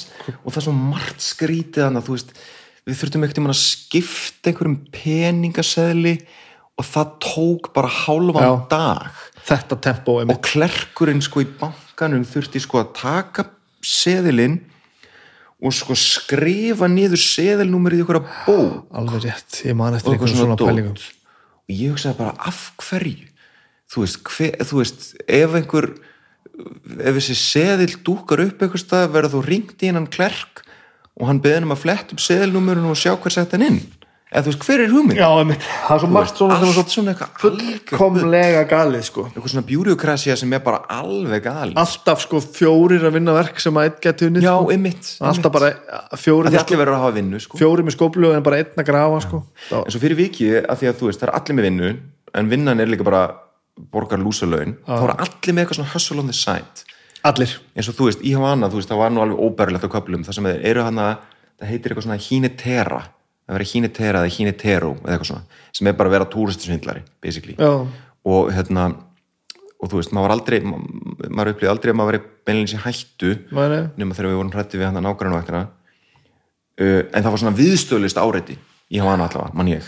Já, þú veist, það var alltaf verið að fá maður til að skipta Já, já. úr þessum túristapesum yfir í einhverja Alltaf lokal þetta- pesóa einmitt þetta dót, sko. eða bara, hei, vil ekki koma og kíkja hérna? Ég með stað hérna sem þið vil kíkja á mann, sko. Við vorum með mann með okkur finskan vinn okkar sem hafi verið þetta svolítið ofta áður. Það hjálpaði okkur helling. Já, já. hann svona þekkti svona tipsin sko. Já, og þetta var mjög algengt þetta að sko einhver kom og vingaðist við mann já, og bauðst til þess að halda partíð ef maður borgaði fyrir það. Já, og það var algert vinn-vinn sko. það var ógeðslega skemmtilegt. Þá bara maður bara lokal partí með lokalum sko. Við gerum þetta alveg nokkusinum sko. ég, við gerum þetta líka, við hittum einhverja tvo hérna, kúbanska rappara já, þessa, Og þessa típur og við rétt. aðeins með eitthvað geisladisk maður og, og þeir, þú veist, og við bara borguðum allt skilur og þú veist, fórum með með eitthvað partí og það var geðveikt sko. já, gaman, já, hvað er allir diskurs ég verið að kíkja á það maður. Við vorum að finna þetta ég verið að finna hann að við vorum, það var held ég hjá ég man ekki hverju partí. Hvort það var ekki bara drettapartí þegar var verið að var verið að, stu, var að klína kertavaksin í, hérna, í hausinu á okkur til þess að búið til við vorum alltaf, og við vorum alltaf keftum bara eitthvað shitláta bjór sko. Næs, maður stöður þessu, hann að túristabjórin hann að dökki bjórin Bucanero heitir hann. Já, já, já, já, og græni bjórin ljósi, hann heitir Kristall. Já. Manstu þetta? Já, já, já, Vá. ég man eftir þessu. Ég man aldrei neitt, þetta myndi ég bara að bjór, það myndi það. Já, auðvitað. Og við komum náttúrulega með þetta sko einhverjum, ein- bara einhverjum kassavís, við náttúrulega drukkum óheyrilega í þessari ferði sko. Já, bara, auðvitað. Og svo hérna fórum við að taka eftir því að hérna að vorum í svona einbilshúsi svona bara einhver svona aðeins einhver útkværi í Santiago held ég. Já, djúvöldlega einhverju að leira þetta minnuna, við vorum bara einhver allt annars þar svo fórum við að taka eftir því sko að hérna að þau tók þetta dósið og hendum bara svona út á verundina bara svona út á, svona gangstitt sem lá inn að eða svona stígur sem, sem lá inn að húsinu. Já. og bara svona eftir sin leið á daginn þá bara svona fylltist garðurinn og, og hérna inn labbið þarna bara á áldósum. Uh, þá föttuðu það bara já þau eru að monta sig hér er partí sko. Nei þá var það stemningin, sko. hér er verið að drekka sko túristabjórin og hér er partíð sko. svo löpuðu nákvæmur framhjá og bara, já, það er ekkert annað, það var bara að vera að merkja húsið, sko, ógeðslega svona skemmtilegt, svo einhvern tímann í einhverju öðru partí í Havana held ég við verið þá Fó, fórum við í partí hvort við vorum með vorum við með held ég íslenskan bjór já, sem við vorum að drekka. Já, drukkum hann, svo við komum aftur daginn eftir þá var sko, voru bjórdósunar orðna sko stofustaf, sko, þá var þetta bara skraut í stofunni, sko, já, íslenska björðarsun já, margt svona, sko. einmitt. margt svona skemmtilegt já, þetta er alveg mm, stórmerkilegt land sko. Já. gaman að koma þessum tíma líka áður en að, áður en að Castro dó sko, Já, þetta já, var alltaf einhvern veginn ennþá í, í þessum, það var allt ennþá í ykkur það var svo steikt sko alveg galið og, og bara hérna og þessi stemminga sko þú veist, að vera einhvern veginn alltaf að reyna einhvern veginn að finna sér eitthvað auka, alltaf að reyna að fá einhvern auka að svindla, sko. og reyna einhvern veginn að reyna einhvern veginn að svona að, að svona losna út úr þessu systemi en það samt aldrei er alveg hægt Nei. og rosalega spes. Og þessi túrista peningur sem er náttúrulega matador peningur sko, veist, hann er hverki skráður. Nei, nei, nei, nei, nei, einmitt. En hann er samt basically bara dollarinn sko já, en ég menn hann, þú getur, getur hverki skipt honum. Eða var allavega þannig þegar Nei, nei, þú getur ekki farið með honum landi og, og skipt honum í stjórn anstæðar sko. Nei, nei, einmitt. Og bara þú veist, og svo einmitt þessi lokal peningur sem var bara eins og klóspapír sko. Já, það var kannski ekkert keftur hann sko. Alveg galið. En svo líka þetta skrýtna sko þetta svona, þetta að mikið ferðast. Já, það er það fannst mér eiginlega verst þú veist, það að hitta svo- fólki með hann nei, bara að sko, bara, sko heimafólk gæti ekki farið. Já, að hitta fólki og, og finna að þú varst í annari stöðu heldur Já, en þau bara ég get farið en þú ert bara fastur Æ, bara eins og hjartalega sammálaður. þarna fekk ég alveg bara svona ok, þetta er þetta er bara alvöru slæmt. Já, þú veist, uh, þú veist það var margt sem var svona skrítið og maður bara, wow, þetta er nú meira grínið, en þarna með þetta þá upplýði ég bara svona ok, vá, þetta er alveg svona þetta er bara uh, mjög óhugulegt já, að vera bara ekki sko get ekki farið úr landi ótrúlega skrítið að tala við fólk sem er fullkomlega vitibórið og veit allt og er bara nákvæmlega sama level og þú Já, já. en þau eru bara ekki með sömu réttindi og þú já, það, það, er er, það er mjög óþægilegt sko. En ég talandi um að vera vitibúri, það var líka mjög, mjög merkilegt að, þú veist, það var sama hvaða svindlari vatt sér upp á manni að það var aldrei neitt hálfviti. nei, sama sama, bara, sama upplifun í okkur það var bara hérna, þú veist, ef maður sagði að maður var frá Íslandi, þá voruð bara, að Ísland, Reykjavík, bara vissi alls konar um Ísland og, og hérna, þú veist, bara vel menta og, og upplýst fólk, sko. Mhm. En, en fast, það fannst mér svona, þetta er rosalega upplifun að skoða þetta bara og fattar það bara, fólk bara að það á bara ekki breyk bæði fast í landinu, má ekki fara. Já, já. og svo, svo þetta, þú veist, þú getur hvergi unnið upp. Nei, nei, hvað ætlar að gera? Þú verður aldrei framúskarandi í því sem þú ætlar að gera að þú, hvað eru tækifærin? einmitt. Þú vorum eitthvað leit uppi sko fólk sem var að spila rock tónlist og svona mjög mikið lítið hotnöða sko. Já. það var alveg svona, the rockeros eru alveg þú veist. Já, og, og það fólk var bara svolítið vart um sig sko já og það var bara, það var bara ægilegt átak að vera í rocklumsveit já, að þú varst alltaf á syndamöndu strömmnum sko. Þú gast hvergi spilað, nei, þú gast hvergi heyrt músíkina í útvarpið eða neitt svoleiðis, það var ekkert sko. Já, þannig að þú varst bara einhver svona nómad að djöblast á eigin sannfæringu og bara hvað, hvert ætlar að fara með þetta? Þú kemst ekki einu svona í burt til að gera þetta annars útlöðum sko. þetta var bara bara þegar Castro fílar ekki rock já, það var svo fáránlegt að upplifa þetta þetta er náttúrulega bara eitthvað svona maður, þú veist, þetta þetta er svo galið. Maður getur ekki veginn maður getur ekki, maður sem vil fórið þetta pjessi sko, maður maður skilur þetta ekki. Nei, það er málið, maður skilur þetta ekki. Þetta er svona bara alveg hérna þetta er svo alg, þetta er svo óðbóðslega framandi hérna mér og okkur, þú veist, sem að búum hér þú veist, við öll forréttindi sem hægt er að hafa í rauninni, sko uh -huh. allt í einu stíðin í svona Þessar stelpur sem að dróðu þarna út úr skilni þannig í skóla Já. er, Ertu búin að segja þetta við þær? eða?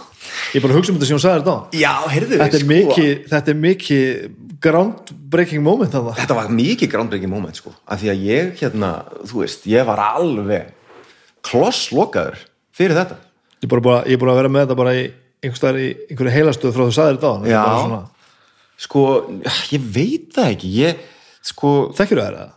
nei. Og mannst nöfnin ég allavega man nöfnin sko. Uh, ég hef svona séð þær út undan mér hér og þar en ég veit ekki hvort ég hef ekkert mann sagt þetta við ég er ekki viss. Þannig að bara ef þið heyrið þetta þá þakka ykkur gælega fyrir. Þið bara björguðu lífið Þetta er ótrúlega skemmtilegt. Ég veit ekki af hverju þar gerðu þetta þú veist, ég var bara eitthvað hérna þú veist, ég var bara einhver lúði sem satt aftast í einhverju hotni á skólastofunni alltaf í sama aðeitaskalanum og það er akkur neginn ákveða að ég að tala svona rosalega mikið við mig. Ég veit það ekki. En varst það alveg í góðum gýr? Þið le- le- þið leið alveg vel og svona. Varstu bara inni og, og bara já, já, ég, ég var bara svona út af fyrir mig. Já, þú veist, ég líka bara ég held að ég sé bara eitthvað svona skrítið blanda af einhverjum einhverju introvert, extrovert hérna ofvirkum en samt einhverjum gæja sko. Þetta er einhver voða skrýningkóttel eins og þetta svo en þú veist, þetta var einhver fasi bara í mínu lífi. Þú veist, það sem að ég hérna þú veist já, ég var svona lagur svolítið einelti í melaskóla. Það hefur örgulega svolítið svona dú, skellt í lás. Uh, og þú veist, og svona samskipti stressuðu mig mjög mikið og þú veist, og geta einhvern veginn bara spjallað fannst mér óbærileg tilhugsun sko, að þurfa bara einhvern veginn að standa með einhvern og segja bara eitthvað eitthvað svona, þú veist, það bara hvað á ég segja, góðan daginn hvað segir gott? Ertu búin að eða þú veist, mér fannst það ræðileg tilhugsun. Já, já. svo bara einhvern veginn Og fylgir þið ekkert áram? Nei það hefur bara svona þú veist, þetta svona ég var svolítið rifin út úr skelinni þarna og, og hérna ég var þetta lengi að að hérna læra á að koma í viðtöl. Já, það tók mér svolítið tíma að svona líða bara þægilega með það. Uh, held ég bara því að þú veist ég hafi bara svona einhvern veginn hafi bara stressað mig að, detta eitthvað í huga að segja já, og halda boltanum á lofti bara. já, eitthvað svona Svo, og núna samkjæfti ég ekki þannig að þú veist, maður er alltaf eitthvað að breytast og, og umbreytast sko. nei, það hérna það var alveg þetta var, ég kann þið miklar þakkir að hafa hafa eitthvað neginn punk, að punkuðst í mér sko.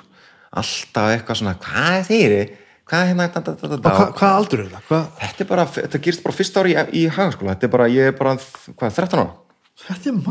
Já, ég bara, ég veit aldrei af hverju af hverju það nefndu þess eða hvað, þú veist, kannski fannst þeim bara eitthvað að fyndi að að vera eitthvað að pöngast í einhvern guð sem var bara eitthvað út í hotni og vilt alltaf segja neitt og vilt alltaf Það er samt alltaf skemmtilega. Þú veist, það var aldrei anstíkilega, það var, ekki. Nei. Þú veist, það voru bara svona, hvað segir þið, þú veist, hvað hérna hvað er þetta, ertu búin að gera neina eitthvað? Ég man ekkert hvað var að töluð um, sko. Og hvað er þetta svona í minningunni, hvað er þetta langur tími?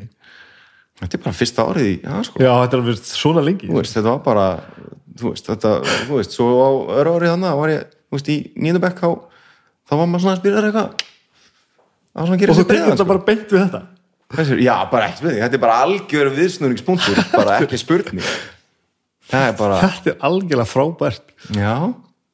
og ég bara þú veist, ég veit ekki hvort að hérna uh, ég reyndar geta alveg gefið mér sjálfum það kredit sko, að ég hérna að ég fer í ferin í hagaskóla þá er maður settur í, maður settur í bekki þessu stór skólin alltaf og ég var settur í bekk með eiginlega engum sem ég þekkti Mhm.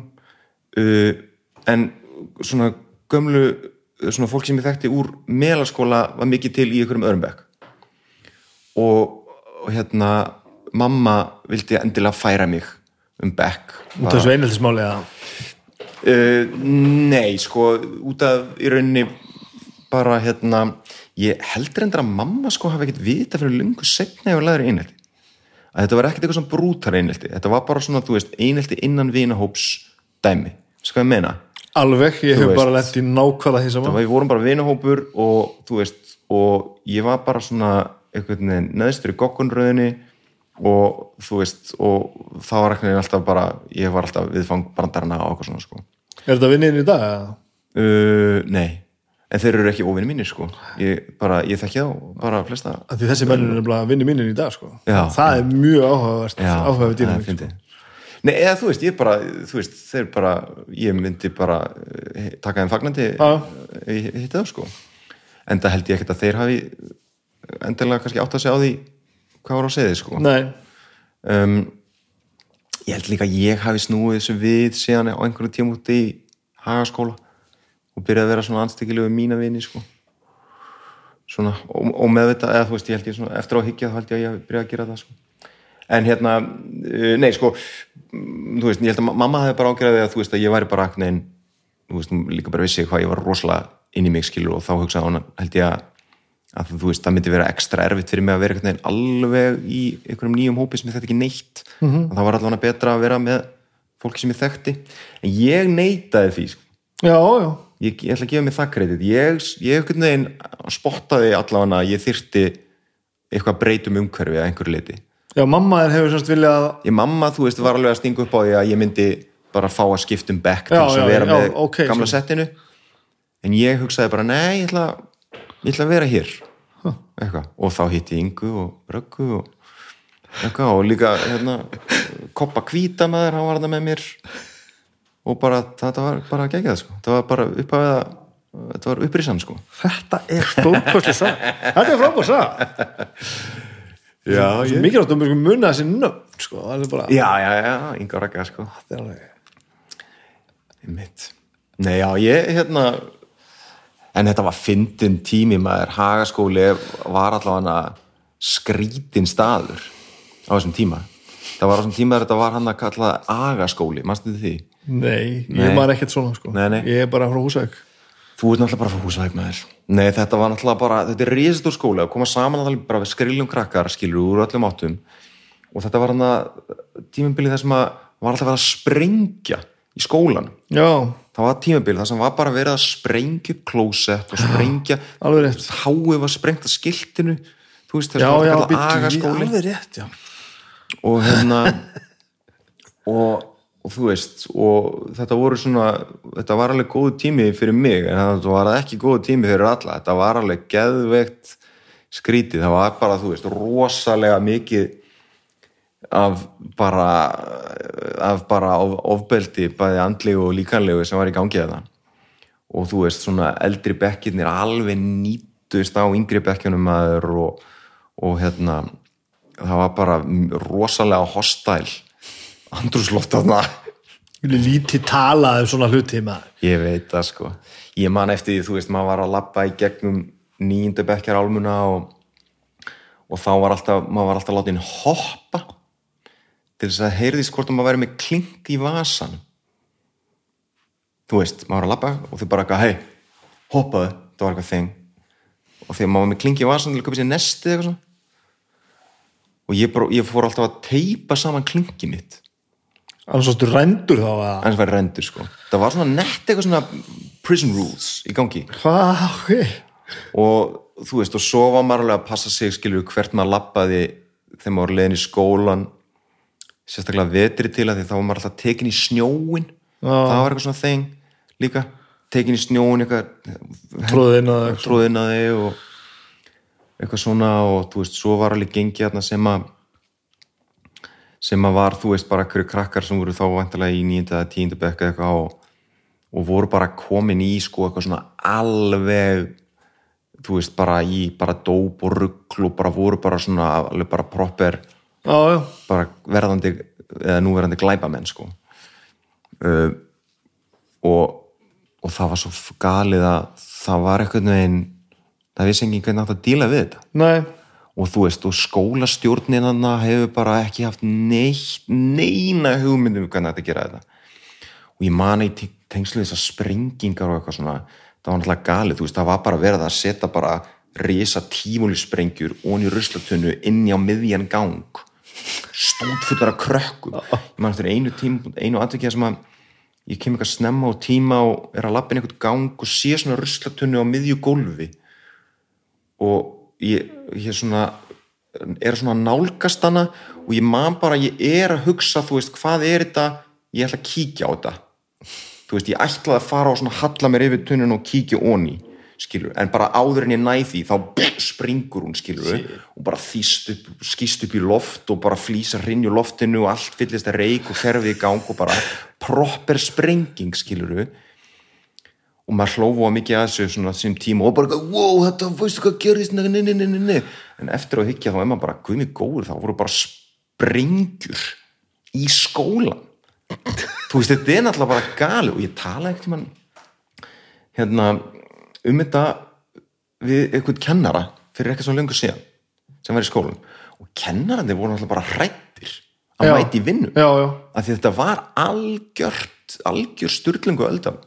Og ég held að sko, þú veist, það var algjörlega tekið rámt á þessu, þú veist, það var bara hringt á lögguna og hún kom í tíma og, og það var bara öskrað í kallkerfið bara, það gengur ekki að vera að gera da, da, da, og það var bara að espa í alla krakkana upp, skilur paldi að missa þetta út í þetta? Já, bara um leið, og sko, svona sprengja á göngunum sko. þú veist, og Þá- þetta varð svo cool og svo voru blaðamenn að koma og taka viðtöl við krakkana í gegnum gluggan á skólastofunum og það var svona algjör tæp rugg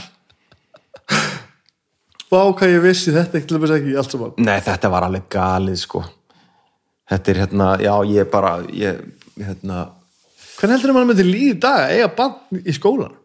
Ég, þú veist maður myndi taka batnið sitt úr skóla. Já, þú myndir ekkert, bannið þitt færi bara ekkert í skólan ég meina ég, þú veist, ég bý í Vesturbænum núna og skilur og strákurum minn er að fara í melaskóla og, og svo væntanlega hagaskóla. Mhm. ég var alveg bara þú veist, menn hann er fimm ára, kannski full snemt að vera byrjar að hugsa um þetta, en ég fann samtalið bara hvernig er hagaskóli í dag? Já. og eitthvað svona og var að spyrja ykkur á fóreldra sem ég að krakka og það þetta er allt annað núna Já, skilur en ég meina maður myndi maður myndi ekki lifa batni sínu að vera veginn að mæta þú veist, þú getur ef að vera, ef að, sprengja sprengjur í skólanum þá fyrir bannið þitt ekki í skólan þá fer batnið þetta ekki í Það skólan er bara einfalt, sko. Og þá, þá sko er, þá gerir eitthvað.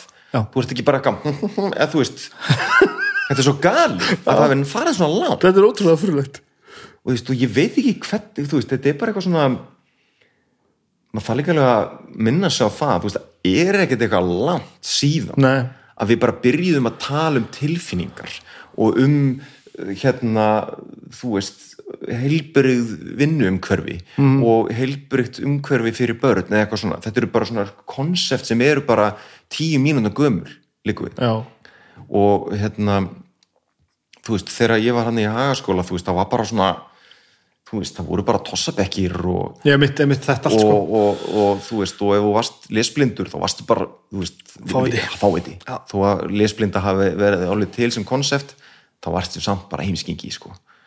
Þannig séð. Og þú veist, og að krakkar væru vandragemsar skilur í einhverju ruglið þú veist, það voru þau bara húðskömmuð og það var bara þú varst bara djöfisins vandraða gemlingur skilur, það var ekkert eitthvað svona að vera að hugsa um að það væri kannski bara erfitt heima hjá þér. Sem er held ég nánast alltaf tilfellið skilur já held að sem, það, það er ekki mörg tilfell, tilfellið það sem að einhver er anstíkilegur og vondur að því hann langar til að vera anstíkilegur og vondur það er einhver önnur, önnur Nei, man, það er mjög leiðilegt að vera anstíkilegur og vond Já, það græðir enginn að því, sko. Þú veist, það er ekki Þú vil gaman erum við fljóta að gleyma Þú veist, það er alltaf að tala um að heimurinn sé alltaf að vestna sko. heimurinn er bara svona stigmagnandi a- að verða betri staður en hann var í gær sko. Já, bara ekki spurning maður. Ég hef mikið hugsað um þetta í gænum tíðina um, þú veist, þetta með, veist, er, er þetta versna, er þetta skána eða er þetta bara endurlaust að endur taka sig? Uh, og ég held að þetta sé, þú veist, eitthvað svona spírall, þú veist, heimurinn endur tekur sig, vissulega, sagan endur tekur sig, en þetta skánar smátt og smátt, mm -hmm. skilur kannski ekki að trætt og við myndum vilja og með full miklum endurteiningum á slæmum hugmyndum og slæmum hlutum skilur við en þetta er að skána. Eins og bara þú veist að átta sig á því að hérna krakkar með lesblindu er ekki heimskir heldur bara að læra öðruvísi og að við getum þú veist bara við getum bara hérna, reynda aðlaga kerfið okkar að þörfum fólks og eitthvað svona. En að veiða líka það besta út úr fólki? Já, ekki reyna að, að láta bara alla vera góði starffræði sko. já, einmitt það, er svo, það, það, er svo, það er svo mikil sturlun að skólakerfið hafi verið sniðið að einni tegundu af, man, af mannesku já, það er náttúrulega bara þú veist eh, það er líka, maður er líka bara maður er svo fljótur að gleyma og, og, og hérna, hvernig það hefur verið. Og maður er líka svo fljótur að gleyma þú veist, hvaða er stutt síðan að hlutinir voru bara skilur að þú veist skólastofnanir voru bara einhver svona einhver svona, menn, einhver svona menningar bák skilur og skólastjórinn var bara einhver maður sem var að stefnin og alþengi já, og, og þetta átti alltaf að vera svo proppur og flott og eitthvað svona, þú veist, það er bara ekkert langt síðan að hlutinni voru þannig og hugmyndin um mentun barna var bara eitthvað svona algjörst aukaðatrið, skilur við þú ætti bara að mæta og gera þetta og svo bara, uh, þú veist það er stutt síðan að skólakerfi hefur einhvern veginn byrjað að svona reyna hugsa einhvern veginn bara almennlega um börn bara þarfir þeirra sem mannesku skilur. og ég meina, og eitt sem að hefur breyst náttúrulega mjög mikið á mjög stuttum tíma er bara, þú veist uh, hugmyndunum um hérna réttindi feðra. Skilur, nú erum við báðir, báðir pappar. Þú veist, bara að, að að hérna þú veist, mér finnst hérna, að því vorum að tala um Ellie á þá sko var ég að leika þar hérna ímsa menn, skilur sem eru upp á þessum tíma hana uh, sem að ganga út frá fjölskyldum sínum. Já, og þetta var bara eitthvað þing, bara fyrir 50 árum eða 60 árum, 70, hva, hvað er. Það sem að menn bara voru með eitthvað fjölskyldu svo bara fóruður og bara fóru frá börnunum sínum og konunum og bara komuðu aldrei aftur og hurfu bara. Og þetta finnst mér svo ræðilegt ílugs að eiga ekki sko tilfinningileg tengsl. Já, það er svaðalegt sko. af því að ég get ekki trúa því trúa öðru en að, þessir, að þessir menn allir í gegnum söguna hafi haft tilfinningileg tengsl kakvar börnunum sínum skilur ég held að þú gengur ekki út. Þú hlýtur að hafa það sko. En það er bara einhver þú bara, þú bara kant ekkert á það. Og þú hefur ekki alveg það er ekki alveg svona uh, það er ekki alveg svona viðgengið að karlmenn hafi verið að sína börnunum sínum ástúð já, já, það þannig að það er engin rammi fyrir þig til að setja tilfinningar nær inn í eða eitthvað, eða hvað, elskaðu þessar menn bara ekki bönni sín eða ég trúi því ekki ég trúi því ekki að, að, að en sko það er, er auðvitað að vera mjög aftengdur tilfinningalega sko jú, jú, auðvitað, jú, jú. og það, þú veist, og maður skildi ekki ákvæða rétt fyrir neitt og, og þú veist, það eru heldur ekkit allir í að peppnir og ég og þú sko Vi, Nei, nei. vi, við erum bara svona þokkalega með okkar sitt á hreinu og, og, og við erum voða vel settir. og, og fundum okkur bara lífsförunut sem við nennum að vera með og hættir að tala við og þú veist, Já, skilur þú veist, sem við bara flækja sig í einhverjum, þú ert kannski bara ekkert á upp á staðnum minnum í lífinu og, og þá Nei, bara allt í einu bara þú veist, orpastu til þess að eignast eitthvað badd sem átti ekki, áttir ekki að eignast og það Já. getur bara verið viðbjóðslega flókið sko. Já, maður, þú veist, maður skildi passa sig á það að segja ekki bara hvað, hvað er feður bara að gera þetta og gera hitt? Veist, auðvitað er þetta ekki Já, alveg auðvitað. svona einfalt. En, en, en, en auðvitað er eitthvað fókt upp við samfélag þar sem að foreldrar geta bara labbað út frá fjölskyldunum sinni og talað ekki við börnin sinni aftur. Ég, það er bara það er svo, fjár, þetta er svo, þetta er svo fjárstæðukent sko. já, já, en þetta er ekkert langt síðan skilur, Nei. þetta var bara eitthvað sem gerðist bara mjög reglulega. og einmitt held ég nákvæmlega þessu út að segja. Það er bara eitthvað í samfélaginu þannig sem var bara, var bara í, í svo miklu ólægi að þetta varð til sko. Já, bara hvurslags eiginlega sko. og núna skilur við bara, þú veist uh, er bara til bara feðraorlof Já. og það er bara ættast til þess að, að feður taki þátt í uppeldi já, barnana já, sinna einmitt að sjálfsögðu já, skilur við, en þetta er nánast glænýtt veistu hvað ég meina? já, og það er ekki svo sem komið jafnvægi á þetta Nei, bara alls ekki. Það er svo langt í Þú frá, veist, þetta er bara svona nýbyrjað að- lagast, Já. skilur við. En þetta er svo merkilegt, sko, að því að, að því að hérna verandi, sko, hvítu kallmaður, þá er bara, er maður bara í svolítið efsta þrepi fórhendindastegans, Já. skilur við. En þess vegna er svolítið áhugavert að sjá, skilur við, að þarna eru einhver réttindi eða einhver hluti sem að maður hefur bara, eða svona sem karlmenn hafi verið hlunfarnir skilur við, kannski út af sínum eigin glappaskótum skilur við en þarna er sko þú veist, þetta er, þetta er hérna uh, hvað er ég að segja? Hvað er ég að segja hver er sko, orsökin og afleðingin samt? Af því að þú veist, auðvitað gengust menn líka bara upp í því að vera bara ekki með börnin sín þú veist, þú varst bara að vinna já, já, Hva, sko, erfiðast að vinna veraldar er að sjá um börnin sín sko. djöfull er það erfitt maður já, já, það er bara stærsta jobbið sko. og ég þarf að hafa, sko, hafa með allan við alla daga að djöblast í því að reyna að gera eitthvað að viti með þetta sko. en ég meina, ef að samfélagi myndi ekki íta mig í þá átt þá væri ég ekki að gera það sko. ég Nei. væri bara búin að beila á því ég væri bara að vinna lengur og ég væri bara að gera enn minna en er að gera dag skilur. ég er að re- reyna og reymbast já, sko. já. ég held samt bara þú veist, að þú myndir verða fyrir svo miklum skafa af því Já, ég sé það fyrir mér skilur. einmitt, þannig að þú veist, ef þú eh, rænir sjálfan þig því að tengja spötnunum Já. þá er það, þú veist, það skadar sjálfan þig að allaveg sko. alveg massíft sko og það er eitthvað svona mein sem að þú veist hefur verið bara litið yfir og skautað yfir já, já. og þegar Mjög samfélagi lengi, er ekki að stuðla að því er ekki að ítæri í áttina að þessu já, já, og þú fer að gangast upp í því og þú fer einhvern veginn að þú veist, fara bara í þa- þæginda ringina að það sé bara ágætt að vera laus við þetta sko. Já, já, þá, þá, er það ekki þá, einmitt þá sem þetta gerist sko. yfir bara ekki spurning, sko. þetta er, þú veist þetta er það er samt eitthvað mjög yfir þurfandi við þetta að, að þú veist og svo er annað sem er líka sem er svo fókt upp sko. ég horfði til þess aftur svo því að, að ég var aðlast upp sko. ég bjó bara í sveit séð, bara í, bara í Reykjadal og bara krakkandur úr dalnum komu bara í skólan sem ég bjó eiginlega í því að fóreldrar mínir og svona allir fóreldrar mínir nei, allir fóreldrar mínir allir, Allir? allir, fóreldrar, allir félagi mínir áttu fóreldra sem voru gift já, þú veist, það var hjónaskilnaðir voru bara ekkert þeng sko. nei nei, og það er svo skrítið sko.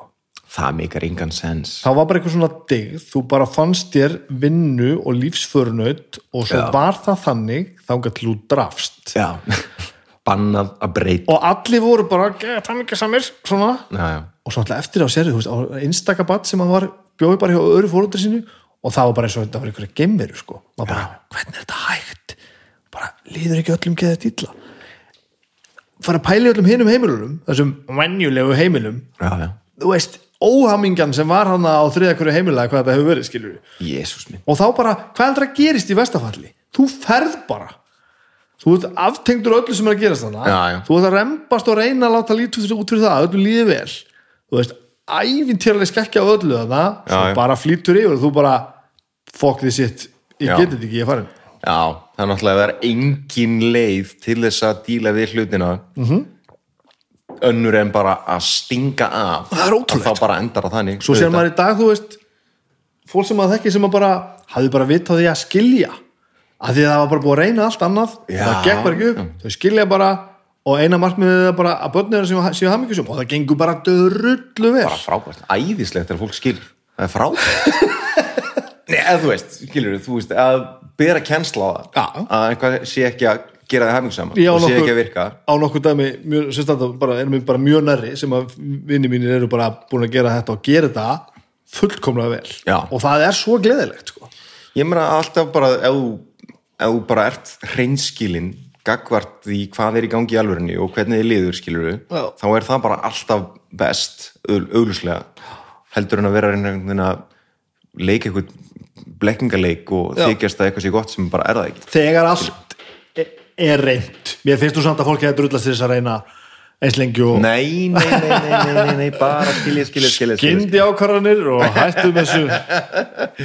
Að sjálfsög, að sjálfsög en hérna, nei, en þú veist að bara að láta ekki hérna einhverja ímynd eða, eða hérna eitthvað, eitthvað, eins og eitthvað á að vera einhvern veginn, mm.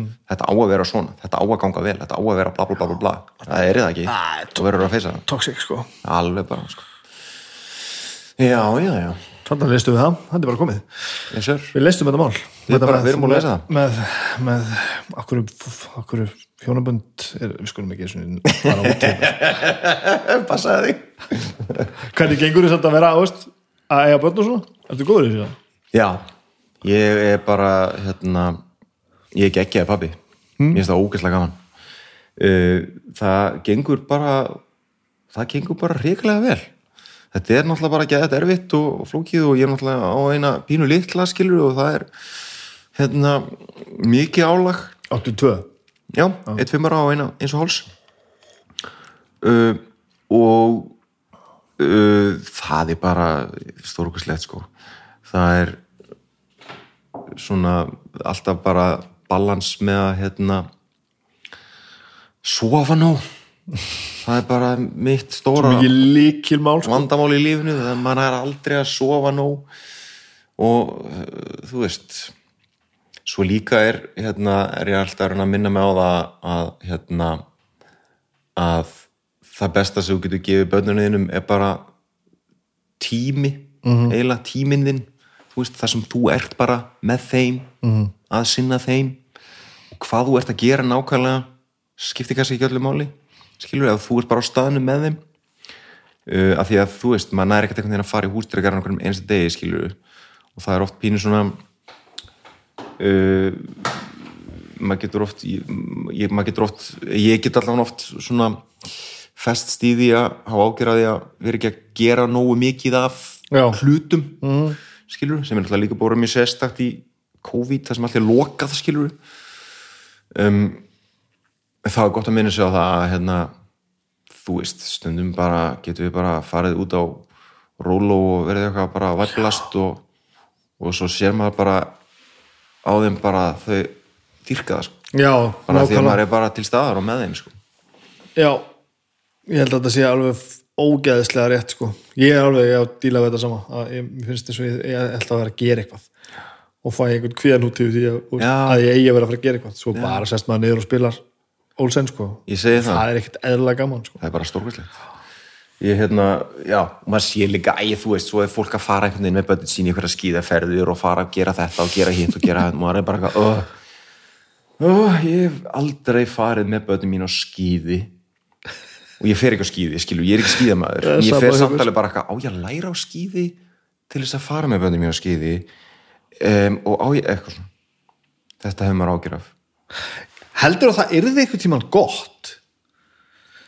Ég, nei, ég, ég, ekki alls ekki. Ég held að þetta geti aldrei orðið gott ef maður er að fara einhvern veginn svona upp úr einhverju komfortzóni yfir eitthvað sem mann finnst sjálfum hundleðilegt eða erfitt eða eitthvað og, og reyna svona að krista út úr því að það sé svo frábært fyrir alla og, Já, ég held að þá sérstu bara stórkoslega miskilega um hvað þetta snýst.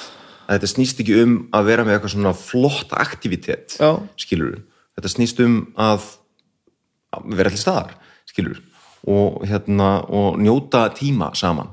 svo er eitt sem ég komst að bara ég uppgötta einhvern veginn bara í einhverjum fóreldra við um daginn maður er svo fljótur að hérna, gera lítjur og afskrifa það sem maður er góður í allt einu veist, var að vera að tala með fóreldra við sko, já, þau eru svo duglega hérna, du, þau eru svo góð með að hérna að hlusta þegar vera að lesa sögur fyrir þau, sko. Já, þau eru sjálf duglega að fletta bókum sko, svo bara já, svo syngja alltaf kunna alltaf heimsins söngteksta og læra öll lög alveg um leið.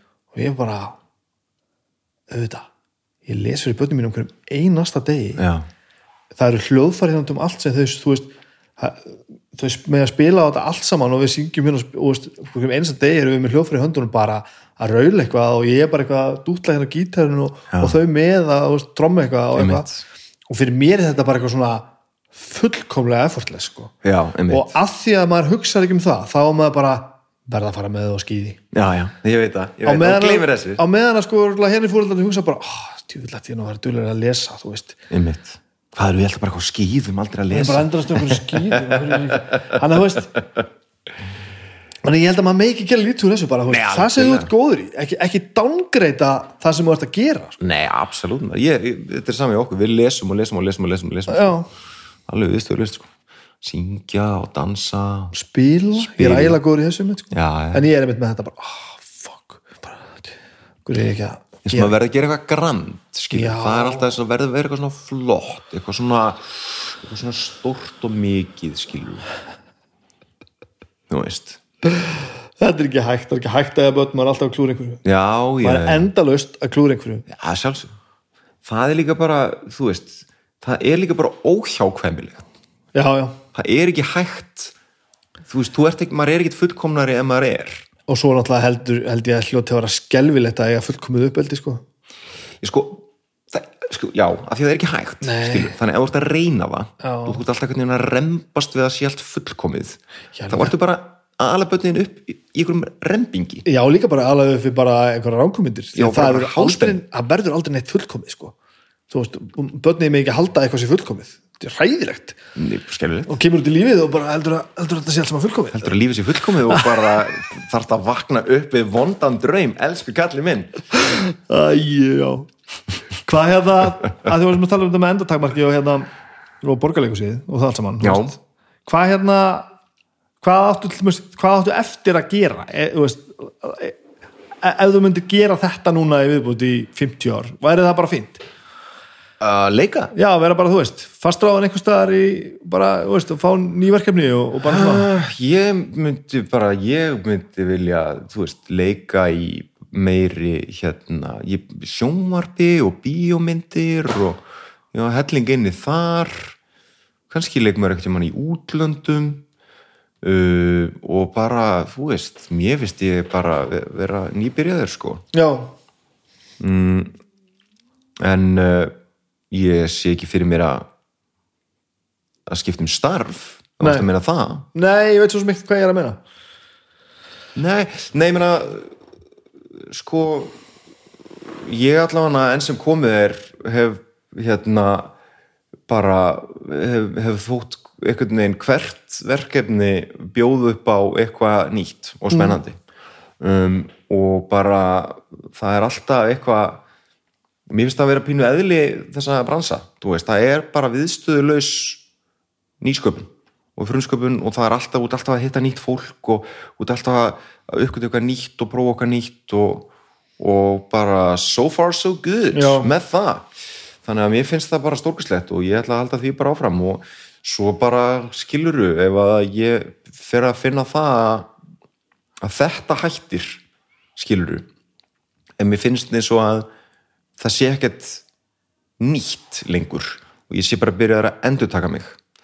Uh, að þá myndi ég nú bara uh, breyta einhvern veginn til einhver liti sko. En, uh, en, veist, en sem komið er þá, þá hef ég ekki upplifað það.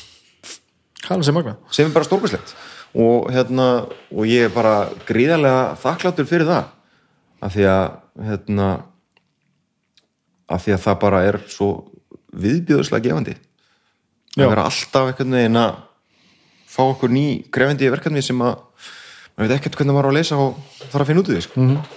undalist að leika sér það er maður bara að leika sér indislegt, indislegt maður er bara að leika sér ég veit það, Já. það er best sko. og við ætlum að leika okkur já, þú ætlum að leika okkur annarkvöld Já, nú ætlum við að fara að leika oh! Gekkja D.O.D. annarkvöld D.O.D. ég held að við höfum komist allavega með þetta samt hmm. ég held að það sé komið hjá okkur Ekki bara, já. gekkja. Takk fyrir að tala við Takk sömulegis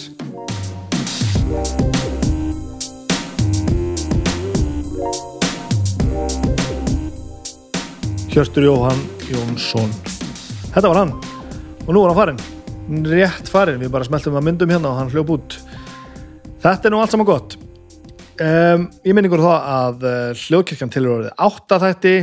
Og ég renni yfir þetta, nei, nei um, það sem bætist við eru listamenn það eru Örn og Örn Eldjátt og Valdimar Valdimar. Valdimar Valdimar og Örn Eldjátt uh, listamenn á lögadöfum það sem eru með topp 10 listana. Og svo er það þátturinn að Stags Gunnarssonar alveg dagsatt á sunnudöfum þið tekkið á þessu auk þess að tekka á öllu hinnu nú er allir dagar undirlaður á hljókirkjunni þannig að njótiði vel. Um, ég ætla að stökkva hérna í eldhús og jafla á restina af ostónum frá því um helgina og drekja þeim í, í hummurs frá Sóma og ég ætla minningur á eh, að nota kóðan STVF á vefverslinni á Reykjavík Grósters og þá fáið 10% afslátt af kaffi í pókum út mars. Það gildir út mars. Meira held ég að ég þurfi ekki að segja við ykkur. Ég er búin að hóta því hérna nokkur skipti röð að ætla, ætla að lesa post og bref frá fólki og svona, ég held ég verið bara að láta það býða það er brjálað að gera hérna. Ég ætla að taka saman og fara að googla aðeins hvernig ég ætla að koma þessu setupi þetta heima og saman. Með matta skjá við þessa tölvu eða einhver djúfisir snúru eða eitthvað ekki hvernig ég ætla að gera þetta. Það er allavega gott. Þetta var góðu dagur, þetta var gott spjall og þetta er allt saman gott. Og við heyrumst næst. Takk fyrir að hlusta, bye